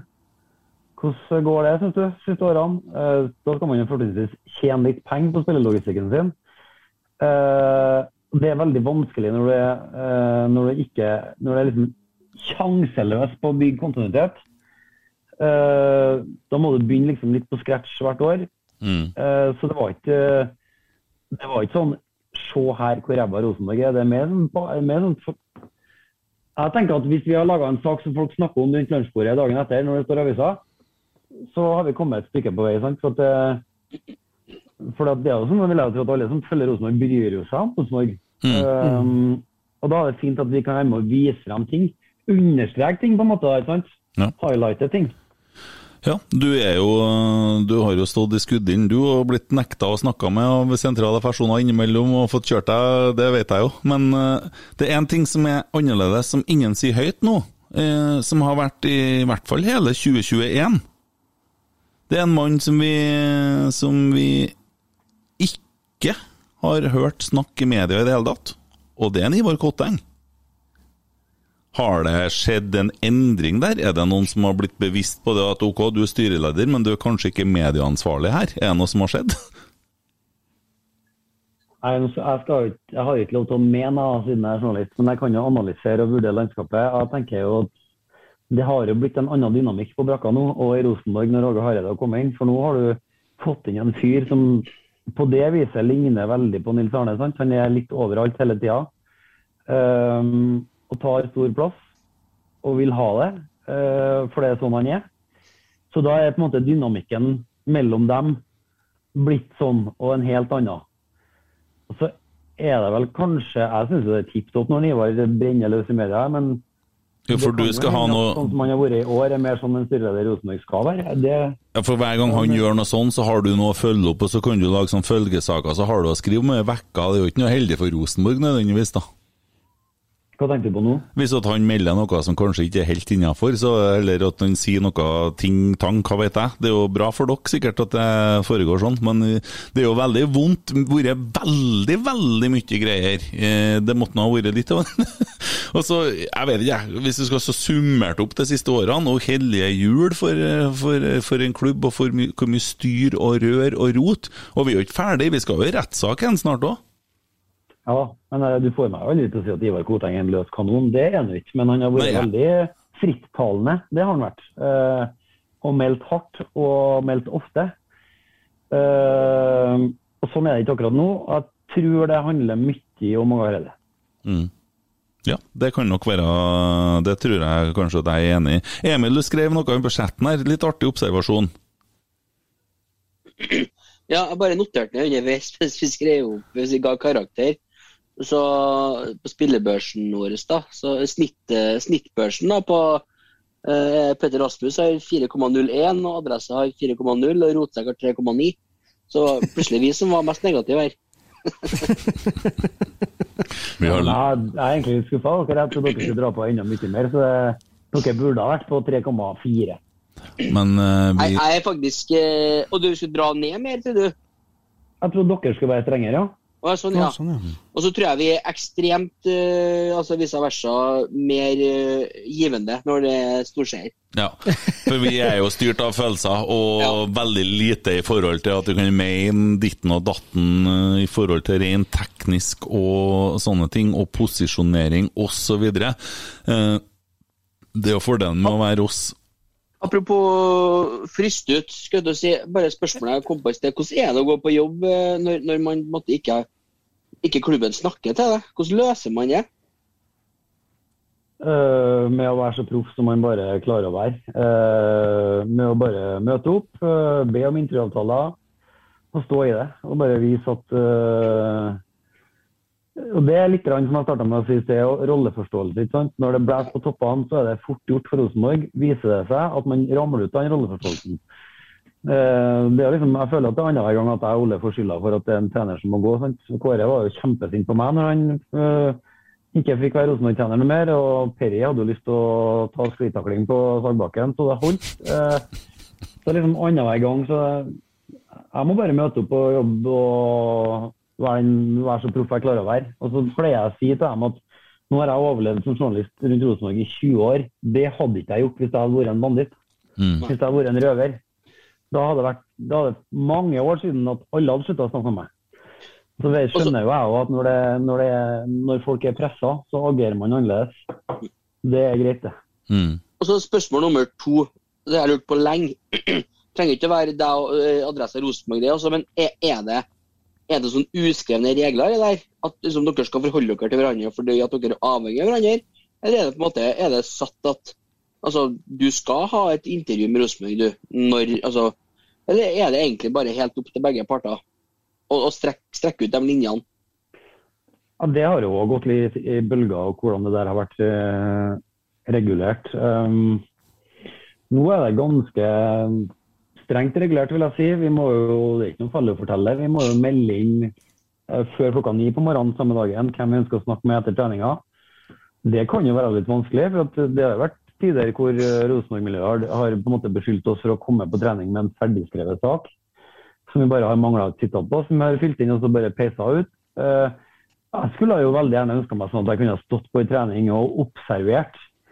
Og på grunnlag av det intervjua noen etter treninga. Det får jeg ikke anledning til lenger. Nå må jeg, for, sant, jeg må jo melde inn intervjuene i forkant, og det tvinger jo meg til å planlegge mer hvilken sak jeg skal skrive den dagen. sånn at det blir, Jeg blir jo måte drevet litt i den retninga som Rosenborg egentlig ikke ønsker at jeg skal bli. Det, men der har vi um, Det er jo litt sånn ledermat der, da. Sant? Og hvem som er sportsleder. Eh, snakker da med, med mediesjefen til Rosenborg, og de har ganske jevnlige kontaktpunkter. hvor de hvor sånne ting blir løfta opp og lufta, og så er det en pågående dialog. For det er ikke tvil om det. Vi er avhengig av Rosenborg, og Rosenborg er akkurat like avhengig av oss.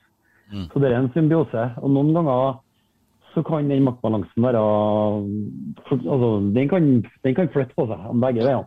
Mm.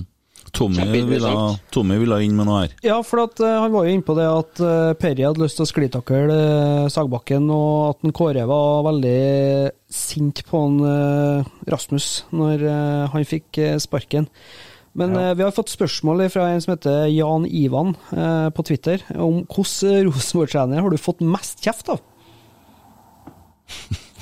Ja, for det er jo Nils Arne, det er ikke noe tvil om det. Eh, men det var jævlig god underholdning, sant? for da, den tida var jeg jo radioreporter. Så det var jo det ble jo nesten en lek ut av det til slutt. Stille han et litt sånt uh, upresist spørsmål som jeg kanskje til og med visste at han ble irritert på.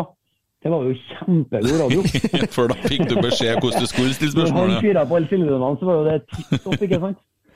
Uh, men det tok jo noen år før jeg på en måte torde å gjøre det ordentlig. Eh, for han var jo fryktelig sånn fryktinngytende på en uh, ung jypling. Uh, men jeg husker jeg, og han, helt tilfeldigvis så ble vi sittende helt bløttings alene innpå brakka. Uh, og så kom han, for det var den tida brakka var helt åpen hele dagen. Da kom han og kom han og satte seg ned ved siden av meg. Så begynte han sånn, ja, hvor er du fra du hen da? Og liksom, litt sånn helt, som virkelig ikke hadde noen ting med fotball å gjøre.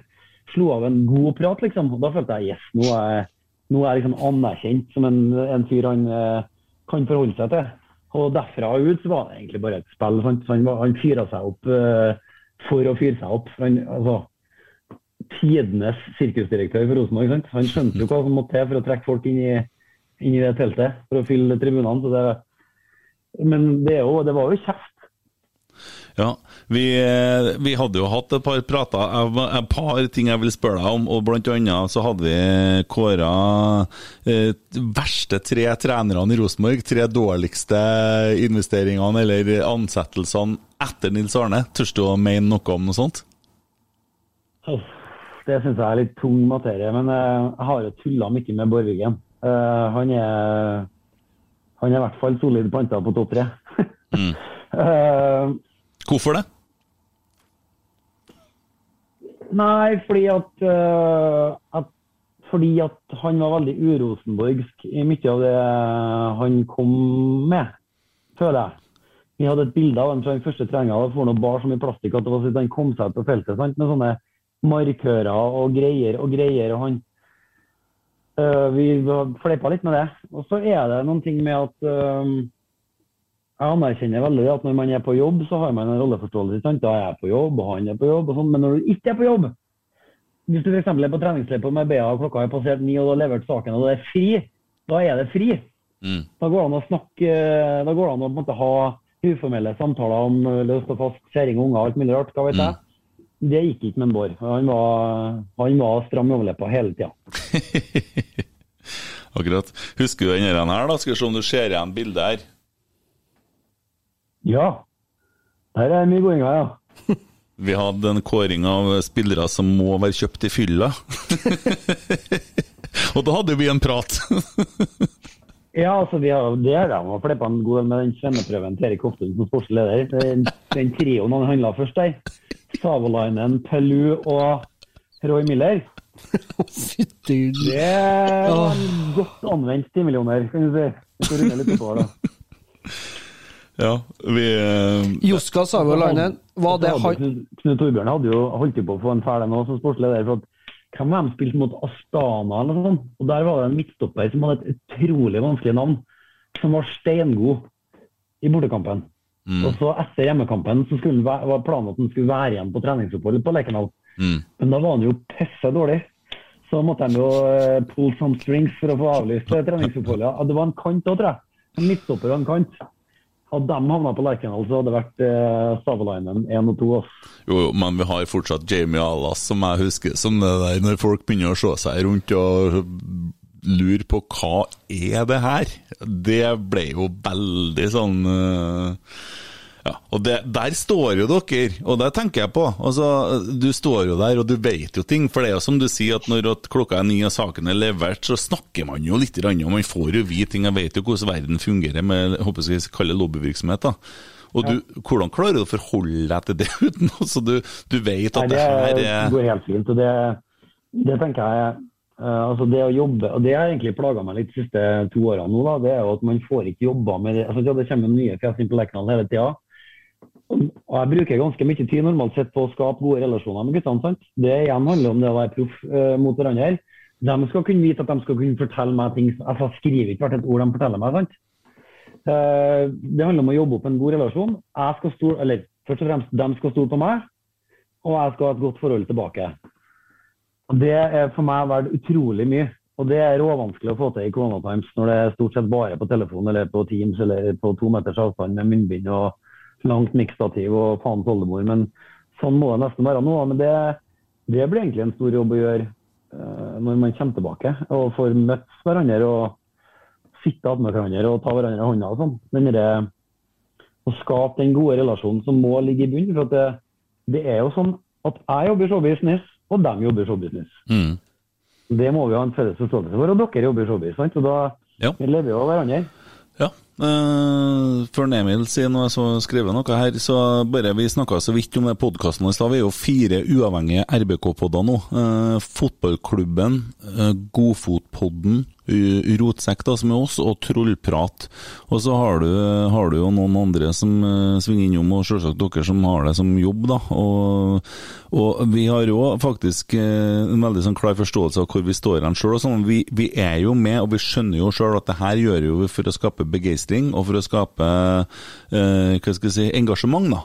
Eh, For jeg tror at det er viktig at eh, Og nå er jeg helt seriøs, da, som ikke alltid man er her. Men eh, at Ivar Kotteng snakker om det på medlemsmøtet, at vi må gjøre noe for å få yngre folk til å gå på kamp. For vi må, vi må dra litt sammen. Jeg håper jo på en måte at det er en effekt av pandemien nå, at folk syns det er kult å gå på Rosenborg-kamp igjen og ta selfie og alt det som de her nye generasjonene med hårbånd gjør. da. Og at det er greia, og at vi bidrar til at det kanskje er flere som kommer på kamp, for det, det er viktig. Og det tror jeg Rosenborg er glad i dere for. For at eh, jeg er helt sikker på at de innerst inne er ganske bekymra for hvor mange det er som kommer tilbake på tribunen den dagen døra er helt åpen. Um, men det er klart, det er jo i vår interesse alle vi Rosenborg at det blir fullest mulig der. Uh, det er jo da Rosenborg blir et maktsentrum i norsk fotball igjen. Uh, det er jo mye rare fotballresultat rundt om i Europa. Det handler, det, jeg tror det handler en god del om at det er tomt på tribunene. Du har liksom ikke det sinnssykt uh, fryktinngytende hjemmearenaen. ikke sant? Den hjemmebanefordelen er, er litt sånn fordufta.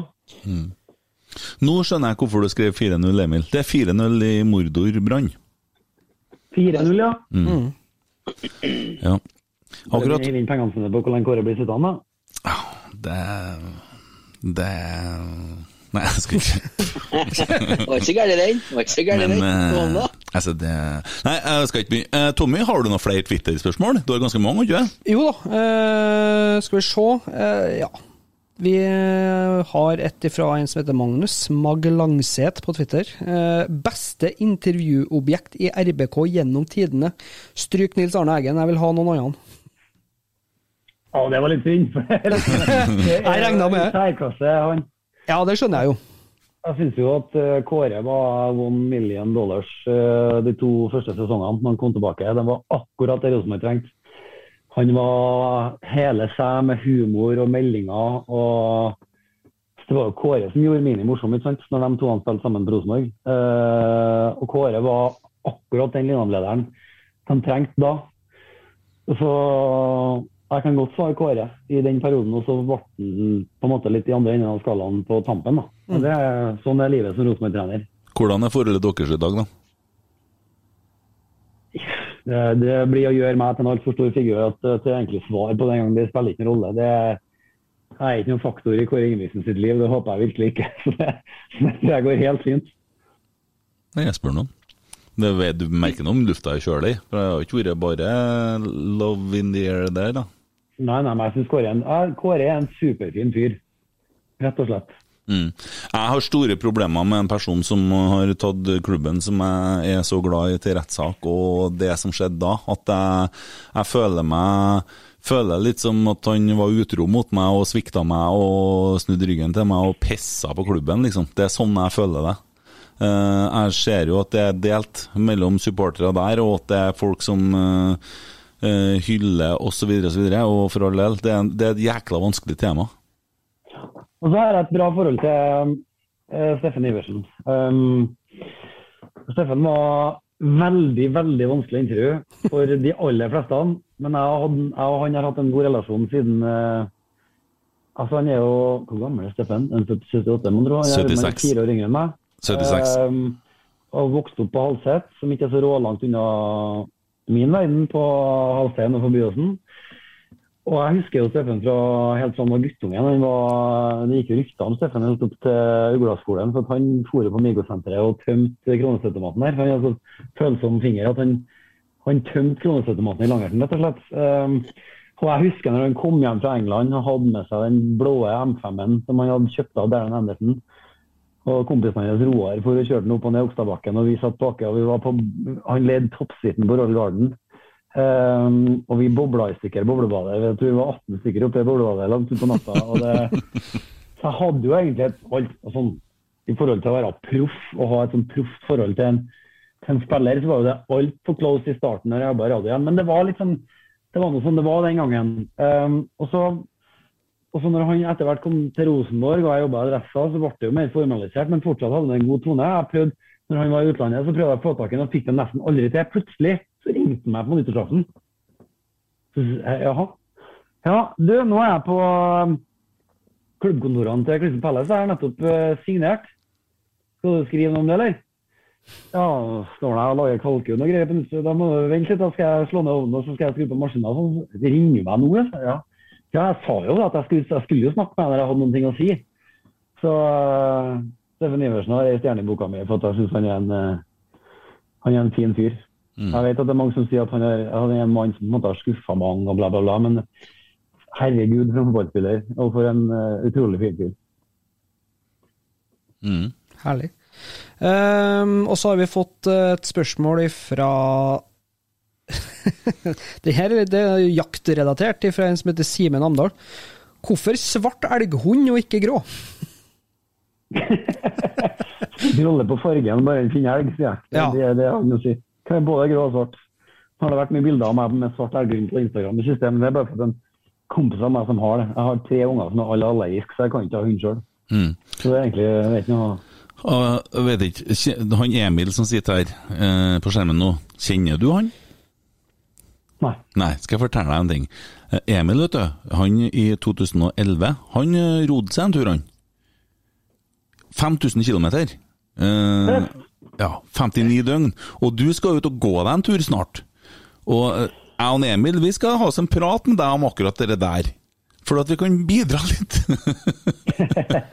nei, nei, nei, nei, jeg driver ikke og skal holde på med noe annet her nå. Men han har jo, han har jo sittet om bord i en båt i 59 døgn i lag med en annen kar, da. Og så har litt erfaring på å holde ut. Det er jo helt rått. Det er jo mye råere enn det jeg skal. Ja, det, det er det. Nei, rått og rått, altså. Ærlig talt, det var Mestrøms og Tor Eierdal gjorde det samme uten åra, altså, så rått det ikke er, men eh, det høres bra ut.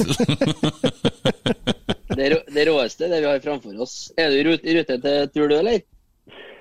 Ja, altså, hvis det er plass til å ta to ord om det, så gjør jeg gjerne det. Jeg skal ha Jeg satt jo Jeg har um, Jeg var sykemeldt ganske lenge i høst for at um, jeg hadde en svulst i hodet som jeg måtte operere ut godarta og alt i orden. Ikke noe problem, ikke noe synd på meg, men jeg satt ned hjemme og kjeda meg og satt og så på Jens Kvernmo igjen. Og igjen satt i sofaen og tenkte faen, det hadde vært dere hadde, Jeg lurer på om jeg hadde klart det.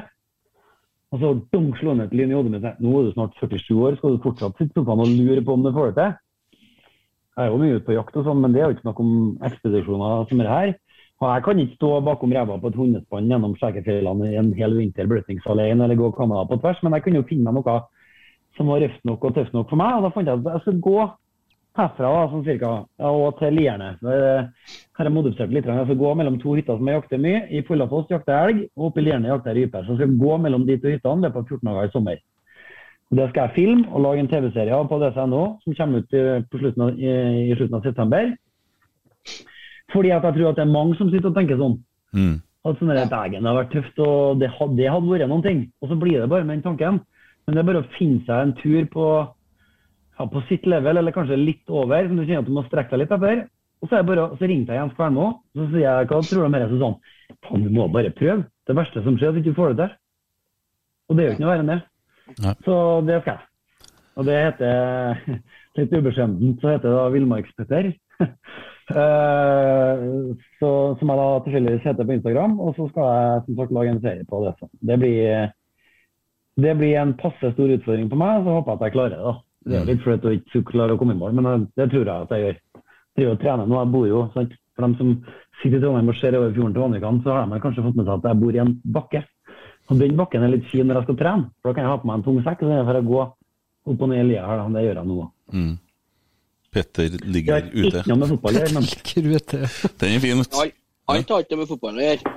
det. Vi, vi i Rotsekk vi har jo en liten overraskelse til deg. Så, så jeg tenker at den som, den som syns det er interessant å følge med på det der, kan følge med på Instagram-kontoen din. For jeg vil anta at den overraskelsen kommer, kommer til å vises der om ikke så altfor lenge.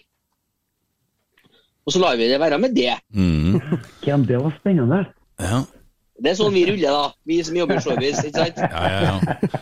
Ja, Vi har jo jobba under arbeidstid til. Petter ligger ute, men Men har dere Uteligger. snakket, nå vil jeg hoppe til noe annet, for nå synes jeg det har vært mye med her. Har dere snakket noe om at Adresseavisa har tippa Rosenborg på sølvplass i år?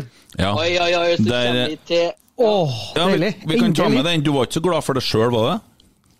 Nei. Jeg mener at eh, Adresseavisa av prinsipp skal ha Rosenborg på topp hvert år. Men så er jeg en del av en redaksjon som skal ta en felles øvelse, og i år ble ikke jeg hørt, og det er greit. Men det er litt sånn, skal man tippe politisk, eller skal man prøve å tippe til noe som faktisk blir riktig? Mm. Og jeg er ikke sikker på om Rosenborg blir seriemester i år, men jeg, for meg er det litt sånn politisk. Så det blir lettere å holde Rosenborg opp mot det sjøl, hvis vi måte har lagt den lista og vært med på det. Uh, og alle i Rosenborg sier det. Vi skal ta seriegull. Sier de hvert år. Ja, det var jo noen som begynte å rote om noe annet en liten stund her, da, og si at eh, Hvem var det som snakka om det? Jo, det var jo han kollegaen din, han Løfaldli, var ikke det? Som begynte å snakke om at vi ikke skulle få Da ble jeg sur. Da ble jeg så irritert på han. Han blir jeg faen meg irritert på noen gang. Og det, Han er nesten like gæren som han forgjengeren, eh, men det er jo akkurat det han skal oppnå. Altså, han blir jo ropt navnet til noen ganger her, men nå har jeg fått litt kjeft for at jeg roper litt mye i studio så i dag. Jeg har vært jo veldig beherska og sånn. Men Emil, du skal si noe mer? Ja, eh, Bare skyt, det var litt lite roping i forrige podd, så det. Bare så at du må ta med det til senere. Er det noen som har skrevet det? Ja. Ja, det var litt lite, ja, han- så vi må, vi må juste litt på den. Han som, Men det kan vi eh, komme tilbake til. han som syntes Ja. det var for mye roping, han sa at altså, på 5-0 så er det lov med roping. Ja, men hva for noe forbanna jævla balanseror skal han der begynne å bli, da?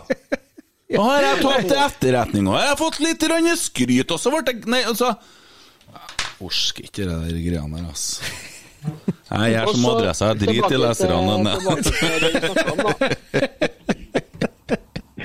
Altså, det er, jo, det er jo tilfeldig at vi i Rotsekkene ikke har eh, klart å stable opp et tabelltips ennå, vet du. Det er jo fordi at vi har holdt av det her til deg, Petter Rasmus. Du skal være med og bestemme nå Ja. hvordan tabellen her skal bli til slutt. For nå skal vi slå fast, skal ikke det, Kent? Jo, jeg skal bare. Jeg skal bare rase oppover ifra det Vi, vi, vi heter jo Rotsekk, sant? Vi snakker jo så mye om så mye annet, vi, vet du. Vi har jo kommet med masse andre gode tips òg. Ja. Og så ser jeg, Petter, du holder på å la skjegget vokse ut. Jeg, gjorde jo, jeg hadde jo helskjegg her fram til i går, og så tok jeg skjegget, og du skulle ha sett hvor lei seg ungene var når jeg kom fra badet. Og så så jeg meg sjøl. Da ble jeg enda mer lei meg enn ungene, så jeg skal bare fortsette å ha skjegg. Og det, og det er ting vi kommer til å bruke mye tid på i her. Men 16 Sandefjord, 15 Mjøndalen, 14 uh, Strømsgodset, 13 Brann. Jeg vil ha Brann nederst, jeg, da, men eh, 12 Start. eh, Stabæk, eh, start igjen. 11 TIL, og så har du Kristiansund, og så har vi kjørt på med Lillestrøm, og så har vi Sarpsborg 08, vi har Odd, vi har Haugesund, vi har Viking. Da fire øverstene kan vi bli enige om nå. Og da får du være med på det, vet du. Ja. Mm. Det dere har Viking på femteplass. Vi har Viking på femte. Jeg trodde egentlig det òg, men eh, de, ble jo, de var jo stusslige greier mot Rosenborg, ja. rett og slett. Fitte katter med dårlig forsvar. Mm. Det gikk vel ikke så bra mot Tromsø òg heller, tror ikke jeg. Nei, da må han Slotko Tripic begynne å gå på vannet for dem. i hvert fall, Det kan hende at han gjør. Uh, at han drar i gang noen ting, men nok om det. Det er Dere har igjen de fire lagene som alle har igjen, da. Mm. Og alle tror at de fire lagene skal bli topp fire. De blir jo ikke det. Men eh, jeg klarer ikke å se hvilket lag det er som skal kødde til for dem. Men de må jo begynne på toppen, og der er det Rosenborg. sant? Ja. Vi er enige. Ja. Det er Rosenborg. Ja. er vi enige. Men de gjerne, må de gjerne gå forbi Molde i siste serierunde, f.eks. Det, det, det er fint. Gjerne på et straffespark to meter utafor 16. Det går helt fint. Ja. Eller en sånn 2004-versjon igjen. Vi, Å vi nei. Nei Da får jeg hjerteinfarkt. Det går ikke. Har ikke hjertefeil, du, Emil? Jeg, jeg tåler det, altså. Akkurat det. Men bare for å reklamere litt om akkurat den hjertefeilen til Emil. Se den dokumentaren. Søk på Emil Eide Eriksen på YouTube, Petter. Det ligger ut en dokumentar som er laga av ei veldig bra dame. Hva heter hun igjen, Emil? Reklamer litt nå, kom igjen. Gøril Furu. En I robåt over Atlanterhavet heter dokumentaren. Det er så sjukt, det. Bare den setningen der er sjuk. I robåt over Atlanterhavet. Mm. Ja, ja, men sånn, du vet. Noen vasker, vaske, Du kan jo ro til Vanvika da, hvis du skal plutselig finne på Ja. at du skal over fjorden en runde. Så kan du bare Ja, sette ut men- skåla. Kan jo hende at vi faktisk må finne på noe sånt, vet du. Nå ble det nok Petter og Emil i monitor her, føler jeg òg. Ok, ja, hvem setter vi på an... Og så- Men så sa jeg at de skulle ta Molde på streken. Jeg tror jo Da må Molde kjøpe seg en spiss, tenker jeg. da. Mm. Det virker jo som de har truffet noen å spise i dag, hvis det var 4-0 mot Brann, ja. Men det sier jo ingenting. OI skåra to, i hvert fall. Ja. Gjør det, ja? ja men da er han i gang. Da setter vi Molde på andreplass, og da har du tredje-fjerdeplassen igjen. Vålerenga og Bodø-Glimt. Hvem? Bodø-Glimt Spiller det. Ja, dra. Det spiller ikke noen rolle, men uh, Altså, Du skjønner jo at Vålerenga ikke kan bli seriemester når de står og flasher Rolexene sine i VG liksom, før de skal selge mot Rosenborg. Ja, det er teit. Men Om det er teit? Det går ikke an å bli teitere enn det. Nei, ja, og du kan jo ha fleks, du kan jo i tillegg kjøre hårbånd, eller så kan du krone det med å ha en stavefeil på tatoveringa på halsen din. Det kan jeg. Altså, men det er jo helt greit å ha Rolex. Ja. Helt greit, det. Det er faktisk ganske, det er ganske fine klokker, det. Men Mm. eh, det er ikke noe særlig å stå og fortelle i VG hva den koster. Det er VG som gjør det, vet. Men du hørte hva jeg sa? Stavefeil på tatovering. Du har fått med deg det, sant? Nei, har han det? Han, ah, der står det 'Til the day I Nei, til, ja, Till my dying day. til my dying day' med en én L. Det er en skrivefeil. Og det er jo helt Ja, at fantastisk. det bare er én skrive. Altså, hvis man har tatt den inn på flatbøkene den kommer fra, så er det godt gjort å bare ha én skrivefeil. en. Nei, men dæven, det. jeg, jeg sjekka det, og jeg nekta liksom å tro det. Jeg sjekka mange plasser, og det er en skrivefeil. Og så tenker jeg, hvordan skal han få retten opp? Jo, hvis den Det er én måte å gjøre det på, det er å skrive 'ønn' foran, så det står 'ønn' til. Men da blir den litt skeiv, da. Men det er i hvert fall litt skrivefeil. Og så går du med synlig på halsen, men, og så la jeg ut dette her. Og det her er ikke kødd. Jeg la det ut på Instagrammen til Rotsekk. For jeg, må, jeg skal ikke reklamere så mye for den, for jeg skjemmes litt. Sånn. Jeg turte ikke å legge ut bilde av deg i dag, Petter, at du skulle være her, for det er så mye stygge ting der. Vi har dratt det litt langt. Eh, Men her er Boys Voice, da, som jeg har tatt bilde og så fått med en Dønnum på. Veldig bra. Det er veldig bra. Men så under så står det da hvem som eh, liker det, tror du. Og det, det, det er bra. Dysleks, dysleksitest liker dette. det er bra! det er sagt, da, så tror jeg faktisk altså Aron Dønnen kunne ha vært typen til å like den posten her sjøl, han. Jo, jo, jo. Han har da sikkert eh, Jeg skjønner jo det. Altså, Han er kul, det er ikke noe med det, men det er liksom Nei, han er egentlig vet du, for at, sånn, Tilbake til mitt utgangspunkt av fotball eller showbiz, Mm. så er det jo tipp topp at det er sånne figurer. litt serien. Det gjør det jo bare artigere. Ja, og vi sitter jo i sted Vi sitter jo og snakker om at nei, Botheim er sånn og sånn, og vi melder jo Jeg er mer bekymra for en annen kar som har kommet inn på Lerkendal nå, som melder uten at han har spilt en ja, Og som Tommy, da, til alt overmål, og det beskriver jo podden vår veldig godt. Han Tommy han har altså kåra Ole Sæter til en legende i Rosenborg! han har ikke spilt et minutt ennå! Men hvis du bare hadde gidda hørt på hva som var grunnlaget, Ja. så kan jeg faktisk forsvare det. For det, det var på grunn av at han tok opp menn og psykisk helse. Det var grunnlaget. Men Hvorfor kan ikke du da ta han Nei, Klaus Lundekvam, da kan ikke han bli en legende i Rosenborg? Han har vært med og prøvd å drepe en Harald Martin Brattbakk og fått rødt kort imot Rosenborg. Han er en legende, han da. Han er jo for psykisk helse. Ja, han er en legende. han som aldri har spilt! Han har aldri spilt! Han er legende i Brann, han, da. For guds skyld. Eller Southampton. Ja, han er legende i Southampton, Ja. men Ole Sæter er faen ikke en legende i Rosenborg! Det er han. Er du tullete? Jeg er tullete. ja. Herregud, altså.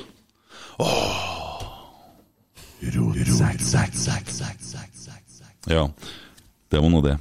Nå fikk jeg ropa. Er det en sånn roneknapp, Rone-knapp, dere? Ja, jeg, jeg må ha en sånn Nei, det er jo bare for å bryte opp litt, da. Vi har, vi har snakka så mye, du har ikke brukt knappen der før nå. Jeg vet det, men det er så ekkelt for dere som sitter på Zoom og hører det. så. I hvert fall hvis jeg begynner å kjøre ting samtidig med at vi snakker, for da blir jeg litt ballete i hodet deres. Men eh, hvis jeg får si noe om Ole Sæter, så håper jeg jo han blir en legende i Rosenborg. Ja, Jeg er enig med deg, ja. Han er ikke, men det er helt suverent at han har snakka om uh, psykisk helse. Um, og jeg håper at han blir en legende i Rosenborg, men jeg, Jeg vet ikke om han gjør jobben noe lettere for seg når han melder så hardt før han har hele tatt sparka en ball i Rosenborg-trøye på Lerkendal. Nei, jeg syns eh, han eh, kjører Men vi liker jo dere som skriver om det her, må jo like sånne karakterer og showbiz og alt det der, og meldere. og Vi er jo tilbake til Mini Jacobsen-tida. sant? Du snakker om det når han kom til Lerkendal, og husker jo det med det halvlange håret og alle kommentarene og alt sånt. Det er jo gullet. Men dæven, dere er det tidlig. Ja, det er litt tidlig. Ja, for å faktisk Botheim til å se litt forsiktig ut. Men det, for det, det, det jeg i ønsket om at jeg vil at han skal lykkes i Rosenborg. Det er derfor jeg sier det. For at, altså, isolert sett at han melder, er kjempegøy det. Mm. Jeg lager mye gode saker på Ole Sæter, men uh, så har guttene få spille noen kamper først. Mm. Ja, Tommy, hadde du noe mer spørsmål? Vi begynner å ha brukt tida vår, altså. Ja da. Skal vi se her nå. Eh, Petter skal legge seg inn, vet du. pop. Gå på trene i bakken. Nei. Petter skal bak eh, Pavlova og vaske er 17. mai-morgen. Ja, det er det, ja. Artig. Det. Såpass kjerringstyrt som jeg er, så må du trøtte litt før du legger deg. Bak, bak Pavlova. Ja, kjerring. Skrev ikke Larsen noe om kjerringa til Petter her? dere snakka jo om det når han var gjest her. Ja. Eh, og um, Å! Ja. Jeg har ikke snakka om kjerringa di igjen, nei. Ikke om kjerringa til Petter, nei. Nei. Eh, men det med å eh, sjekke oppover snakka dere om. Ja. Og da har han spurt hvordan har han scora over evne og fått seg ei altfor flott kone? Var det husmorpornostemmen som sealed the deal? Jeg er jo uenig i alt det der, egentlig. Jaha. Jeg mener at hun er minst like heldig som meg. Ja, ja, ja. Like holdninger. Så er det jo, den hesestemmen er jo av veldig nyere dato. Ja. Vi har jo vært sammen i 100 år, så det har ikke noe med det å gjøre. Altså, du mener at det er hun som har sjekka oppover, egentlig, du? Jeg mener at vi er ganske even Steven, egentlig. vil jeg si. Vi, vi har begge vært brukbart. Vi, vi har begge brukbar uh, grunn til å være fornøyd. Mm. Vet du hvor fin dama mi er, Tommy? Når jeg, snak, når jeg snakka med en Petter i stad, nei, i stad for noen, en par måneder siden sikkert, så trodde han at svigermoren min var kona mi. Det sier litt. Nei, det gjorde jeg ikke. Det gjorde det jo. Det gjorde jeg ikke, det, nei. Jo. Jeg sa du er jo sammen med hun eh, er lov å si Ja, ja, Herbalife-dronninga, du. Ja. Nei, det er svigermor, det, sa du. Ja. Så det var du som tolka det sånn. Å ja, men, ja, men ok, sånn ja. ja. For du var inn, jeg var helt sikker på at du trodde at jeg var i lag med svigermor mi. Men det hender seg at jeg sier til guttene at du skal bare holde kjeften din, for at svigermora mi er finere enn dama di, så bare slapp av med. Kan ramse opp ganske mange av gutta oppe i Namsos her som har eh, Nei, jeg skal ikke gjøre det. Nei, altså Denne Larsen han, eh, han tar feil i grunnpremissene sine. Ja. Eh, han hadde noe mer, men det har du det Ja, svar, han- svara ganske tidlig på det i forhold til det med kritikk og negativt og alt det der. Da har du svara godt på. Ja, det er godt for sjøltilliten til Ja. en Alexander at vi nevner navnet hans. Ja. Han trenger det etter den løpekonkurransen. Og Petter, den har jeg skrevet til dem, jeg fikk ikke noe svar. Men husk på, vi har en eh, ongoing contest her. Jeg ble jo utfordra av en Alexander Larsen til å springe halvmaraton. Jeg sjekker bildet, jeg vet ikke hvem han er. Ser jeg en fettklump på bildet der og tenker herre her gruser jeg. Også når han kommer og skal være med, så går det opp for meg etter hvert at han har spilt i Skeid og er jo ganske bra trena og driver og melder med Gjermund Aasen og legger ned kilometer hver dag. Og jeg er jo Jeg skjønner jo når jeg hører personlig rekorden hans at eh, jeg ligger veldig langt bak. Så vi Hva er veddemålet? eh, Taperen må servere Rosenborg ballklubb eh, i pausen på trening med sånn tyllskjørt. Og Ja, men hva har dere vedda om? Den som kommer først 21 km på Trondheim Maraton 4.9. Å ja, så dere skal springe? Vi skal springe. Det begynner det som er veddemålet, hvem som er kjappest? Ja. Så det ender et sånn type du og Tore Reginussen at en må bade utom Her må vi da stå foran, eh, og jeg skjønner jo at eh, det blir ikke bra. Altså, jeg, jeg syns ikke noe om det sjøl. Jeg syns det er grusomt. Jeg skjønner at jeg kommer til å tape, og jeg skjønner at det Men for hva det er verdt, eh, kan vi få noe ut av det, så gjør vi jo det. Jeg syns det er artig. Ja, kjempeartig. Å se en trubadur drite seg ut, det er jo ikke noe som er bedre enn det. Ja, det tru- Trubadur er et glad vi liker, det er et ord vi liker. Det. Det er stygt. Trubadur, det er sånn uh... Så var du sur på ekte, det er litt artig. Ja, jeg liker ikke ordet trubadur, da. Det, Entertainer, da. Det er bra. ja, eh, hva dere skrev på Vanvikan? Skal vi ta den når jeg spilte på Vanvikan og du var der i komiteen og samla glass? Uh, Trøndelags svar på Rob Williams, sto det. Ja. Ja, husker du det? Nei. Nei, det husker jeg. Jeg var mye mer opptatt av Grannes, så jeg bare ville ha deg av scenen. Hva sa han da jeg satt og leste Nidaros her? Jeg følger ikke med. Jeg er så opptatt av det avisa. Ja ja. Sånn kan det gå. Ja, du var ferdig du, Tommy? Ja, for at, uh, det var nå ett spørsmål til, men jeg syns det var liksom så kjipt å avslutte med et litt sånn eh, tricky eller negativt negativt Ja, spørsmål. han tåler alt, han har jo caps. Um, det var jo en sak mellom eh, der eh, Helland ble intervjua av en Johannes Børstad i NRK eh, om eh, hva Mikke Karlsen eh, Det det var noen meldinger der på Twitter. Og Det ble jo kalt Trond Alstad-saken. Og hva skjedde i kulissene sett fra medias ståsted? Altså, hva ble greia etterpå der?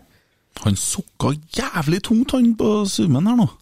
Ja, det, er et, det er et vanskelig spørsmål. for at Mye av den materien ligger litt i den bøtta som jeg snakka om i sted, det med å ha relasjoner inn i Rosenborg. Um, så det er vanskelig for meg å liksom Ja. utlevere noe særlig fra det. Men uh, altså, jeg kan ikke si noe annet enn bare understreke det som, dere- det som alle sammen så. ikke sant, at det uh,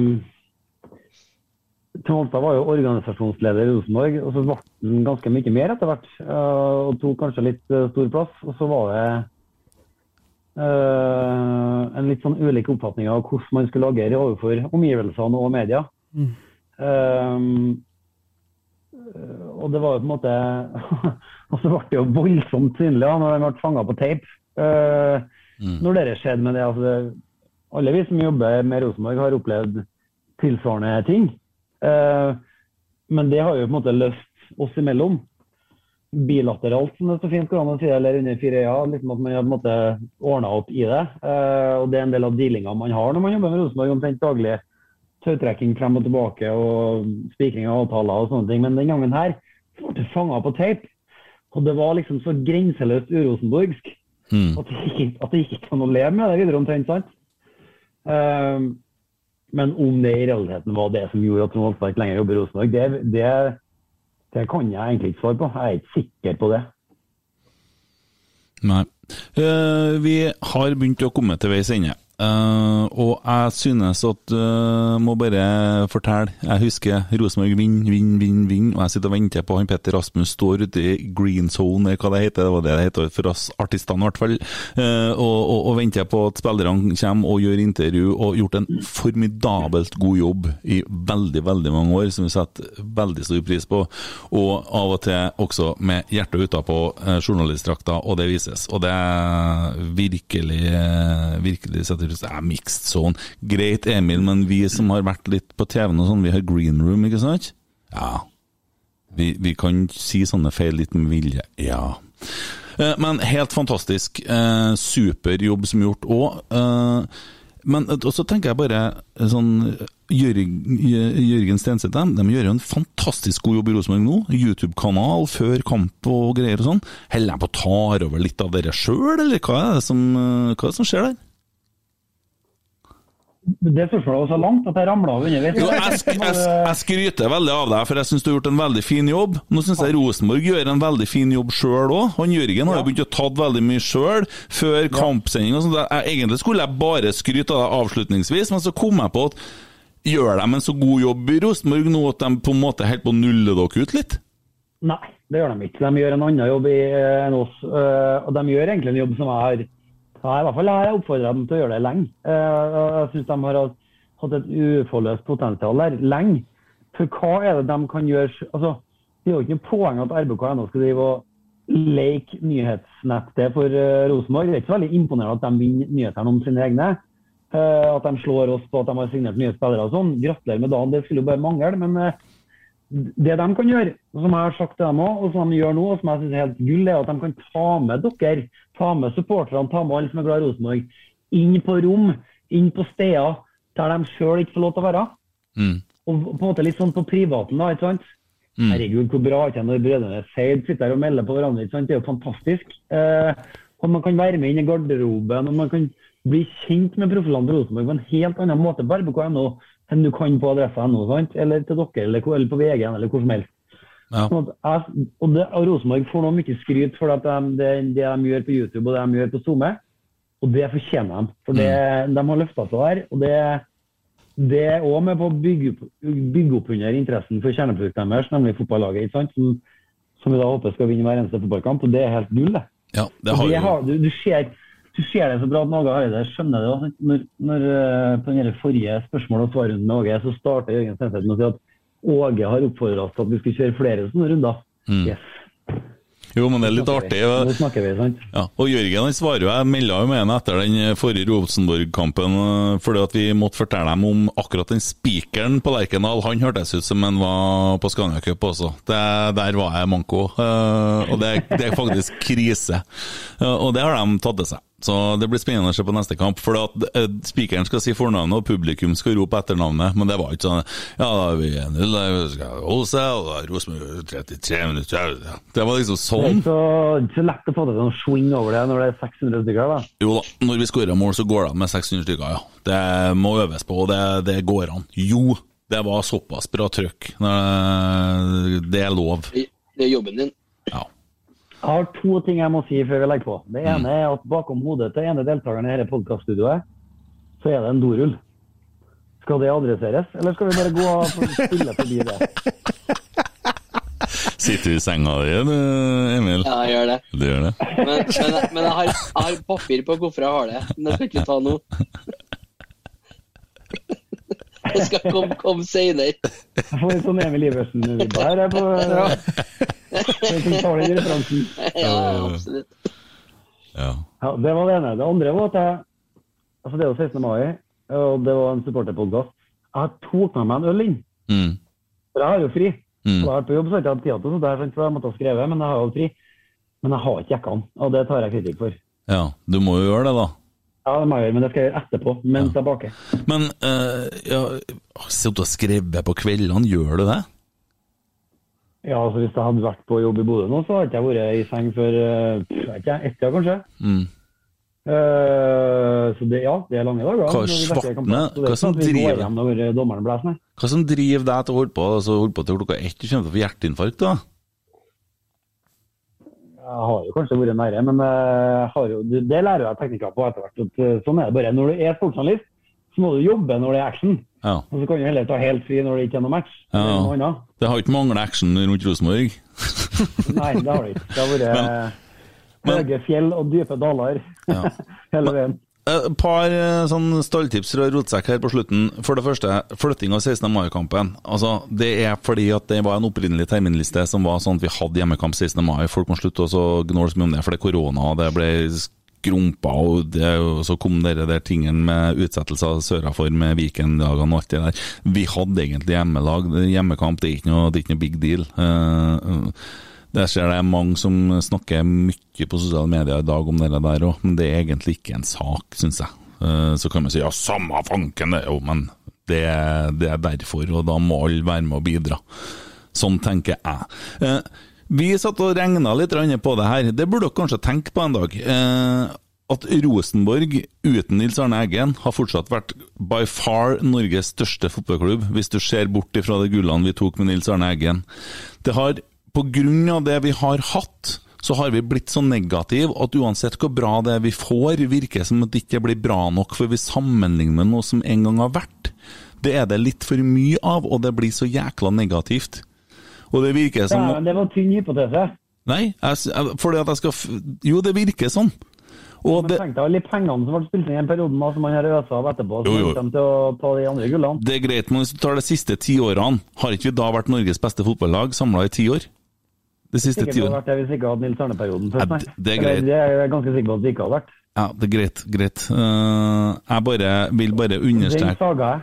Nei, du gjorde ikke Nei, du gjorde ikke det, skjønner du. Fordi at Og Emil sitter og lager gestikuleringer her nå. Jeg, jeg bare saga litt, jeg. Ja ja, bare sag i vei. Men poenget er at det vi har gjort de siste ti årene, er steinbra. Altså, Hvis vi bare klarer å ikke drive og hele tida sammenligne oss med noe som er helt ekstremt bra, sant? Og så det å klare å være litt sånn takknemlig, men øh, for det er litt sånn rart. For når du husker tilbake på Hvordan skal jeg få til å forklare det her noe særlig godt, da? Eh, har jeg prøvd så mange ganger eh, å sammenligne med å oppdra et barn, da. Men vi, vi på 90-tallet så var vi så gode. Norge, landslaget, Rosenborg. Alt det var bare wow, og vi framsnakka, vi skrøt, og vi løy. Det var ikke måte på.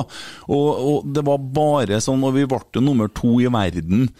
Mens i dag så sier jeg norsk er så dårlig serien her, og klart, alle hører jo det. Alle snakker det ned. Alle snakker ned produktet, til dem, men de som eier produktet, snakker det ned. Prøv å gjøre det med en unge, og se hvordan ungen blir. Vi blir da ikke noe bedre til å gjøre sånn, og det er sånn kollektiv nedsnakking. Det, det, Ja. Hvorfor har vi kommet dit?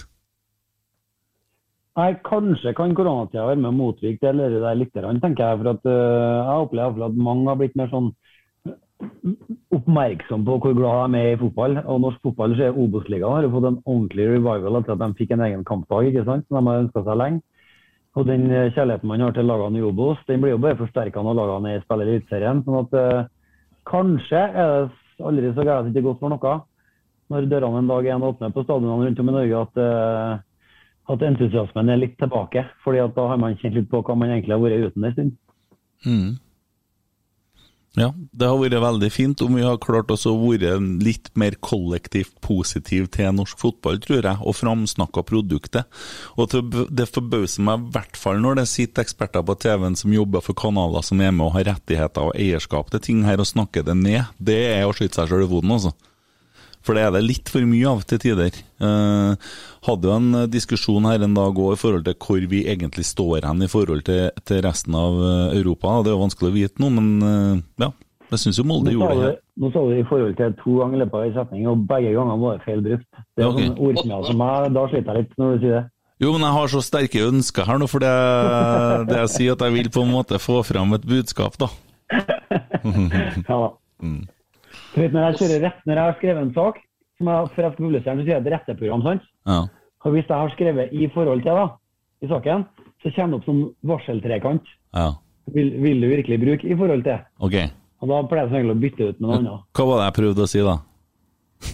I forhold til, da må det jo være øh, det må jo være sammenligna med, eller i relasjon altså det blir, Ja. De fleste bruker med, med tanke på, men det er ikke i forhold til det, for det er sammenligna med det. Mm. Hyggelig. Nå er vi på. Nå kan vi snart gi oss, for nå, er, nå begynner jeg å tynne ja, må du stoppe, eller så får du faktura på norskopplæring fra Ja, han eh, på andre sida av fjorden her. Nei, jeg hører på dere, men jeg prøvde jo bare å komme med noen sånne fine greier. Kanskje vi skal begynne å framsnakke produktet vårt litt mer? Bli litt mer glad i Ja, men da tenker jeg, hvis du peker på Adresseavisa og vil at vi skal gjøre det mer, så det, da det Da kommer jeg til å skuffe deg. Ja. For det er ikke jobben vår, det er jobben deres. det. Jeg sier Jeg har prøvd litt for hardt på slutten, men sånn er det. Kan, kan ikke lykkes med alt. Jeg skal bare være sur, jeg, vet du, og negativ. Nei da. Du er en journalist som har hjertet utapå drakta noen gang, du. Ja. Følte vel at vi har begynt å skvise nok ut av det her nå? Du kan skrive, du kan ta ned dorullen bak deg, så kan du skrive 'ren' for eksempel, på, på tørken. etter, to tørkene.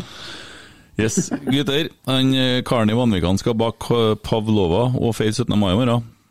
Så skal vi si det er ok med det her. Jeg synes det er rått å få lov til å være med, for at, som jeg utfordra deg på. Det er kult å få bli snakket med noen gang, og ikke bare om. Mm. jeg kødda med deg, dere hadde ikke hatt noen podcast hvis det hadde vært fordi jeg skrev i avisa. Nå gjorde jeg meg selv mye større enn jeg er. Men det var bare for å terre deg opp litt. Og det var nok til at jeg fikk en invitasjon, så da er jeg fornøyd. Noen sa at du hadde sagt på Twitter at vi bare snakker om det dere skriver adressa likevel. Det var et veldig Ja, bra svar, faktisk. jeg skrev ja. Ja, han sa at eh, ja, jeg tar utfordringa med å stille opp til Rotsekk her, for de refererer bare fra adressesaker uansett. Ja, Strålende. Ja, akkurat. Og så har jeg fått litt sånn Han har begynt å bli litt Arne Eggen og snakka om hvordan jeg snakker og greier her nå. Fått, tatt, fått slått ut i full blomst der. Men du har en jævlig sexy stemme, da, Kent. Det må jeg bare få gjenta. Den er det. mer ja. sexy enn min. Mm. Men kona mi ringte meg nå, så God 17. mai, ja. Og så vi, ble vi enige om at Rosenborg tar seriegull, sant? det er vi enige om. Kan, kan vi bare få et avslutt med et stalltips på kampen Brann på torsdag? da? Jeg tror det blir stygt. For Kåre Ingebrigtsen. Og med det så sier vi takk for denne gang. Hei da! Hei da! Skårer! Oi, oi, oi,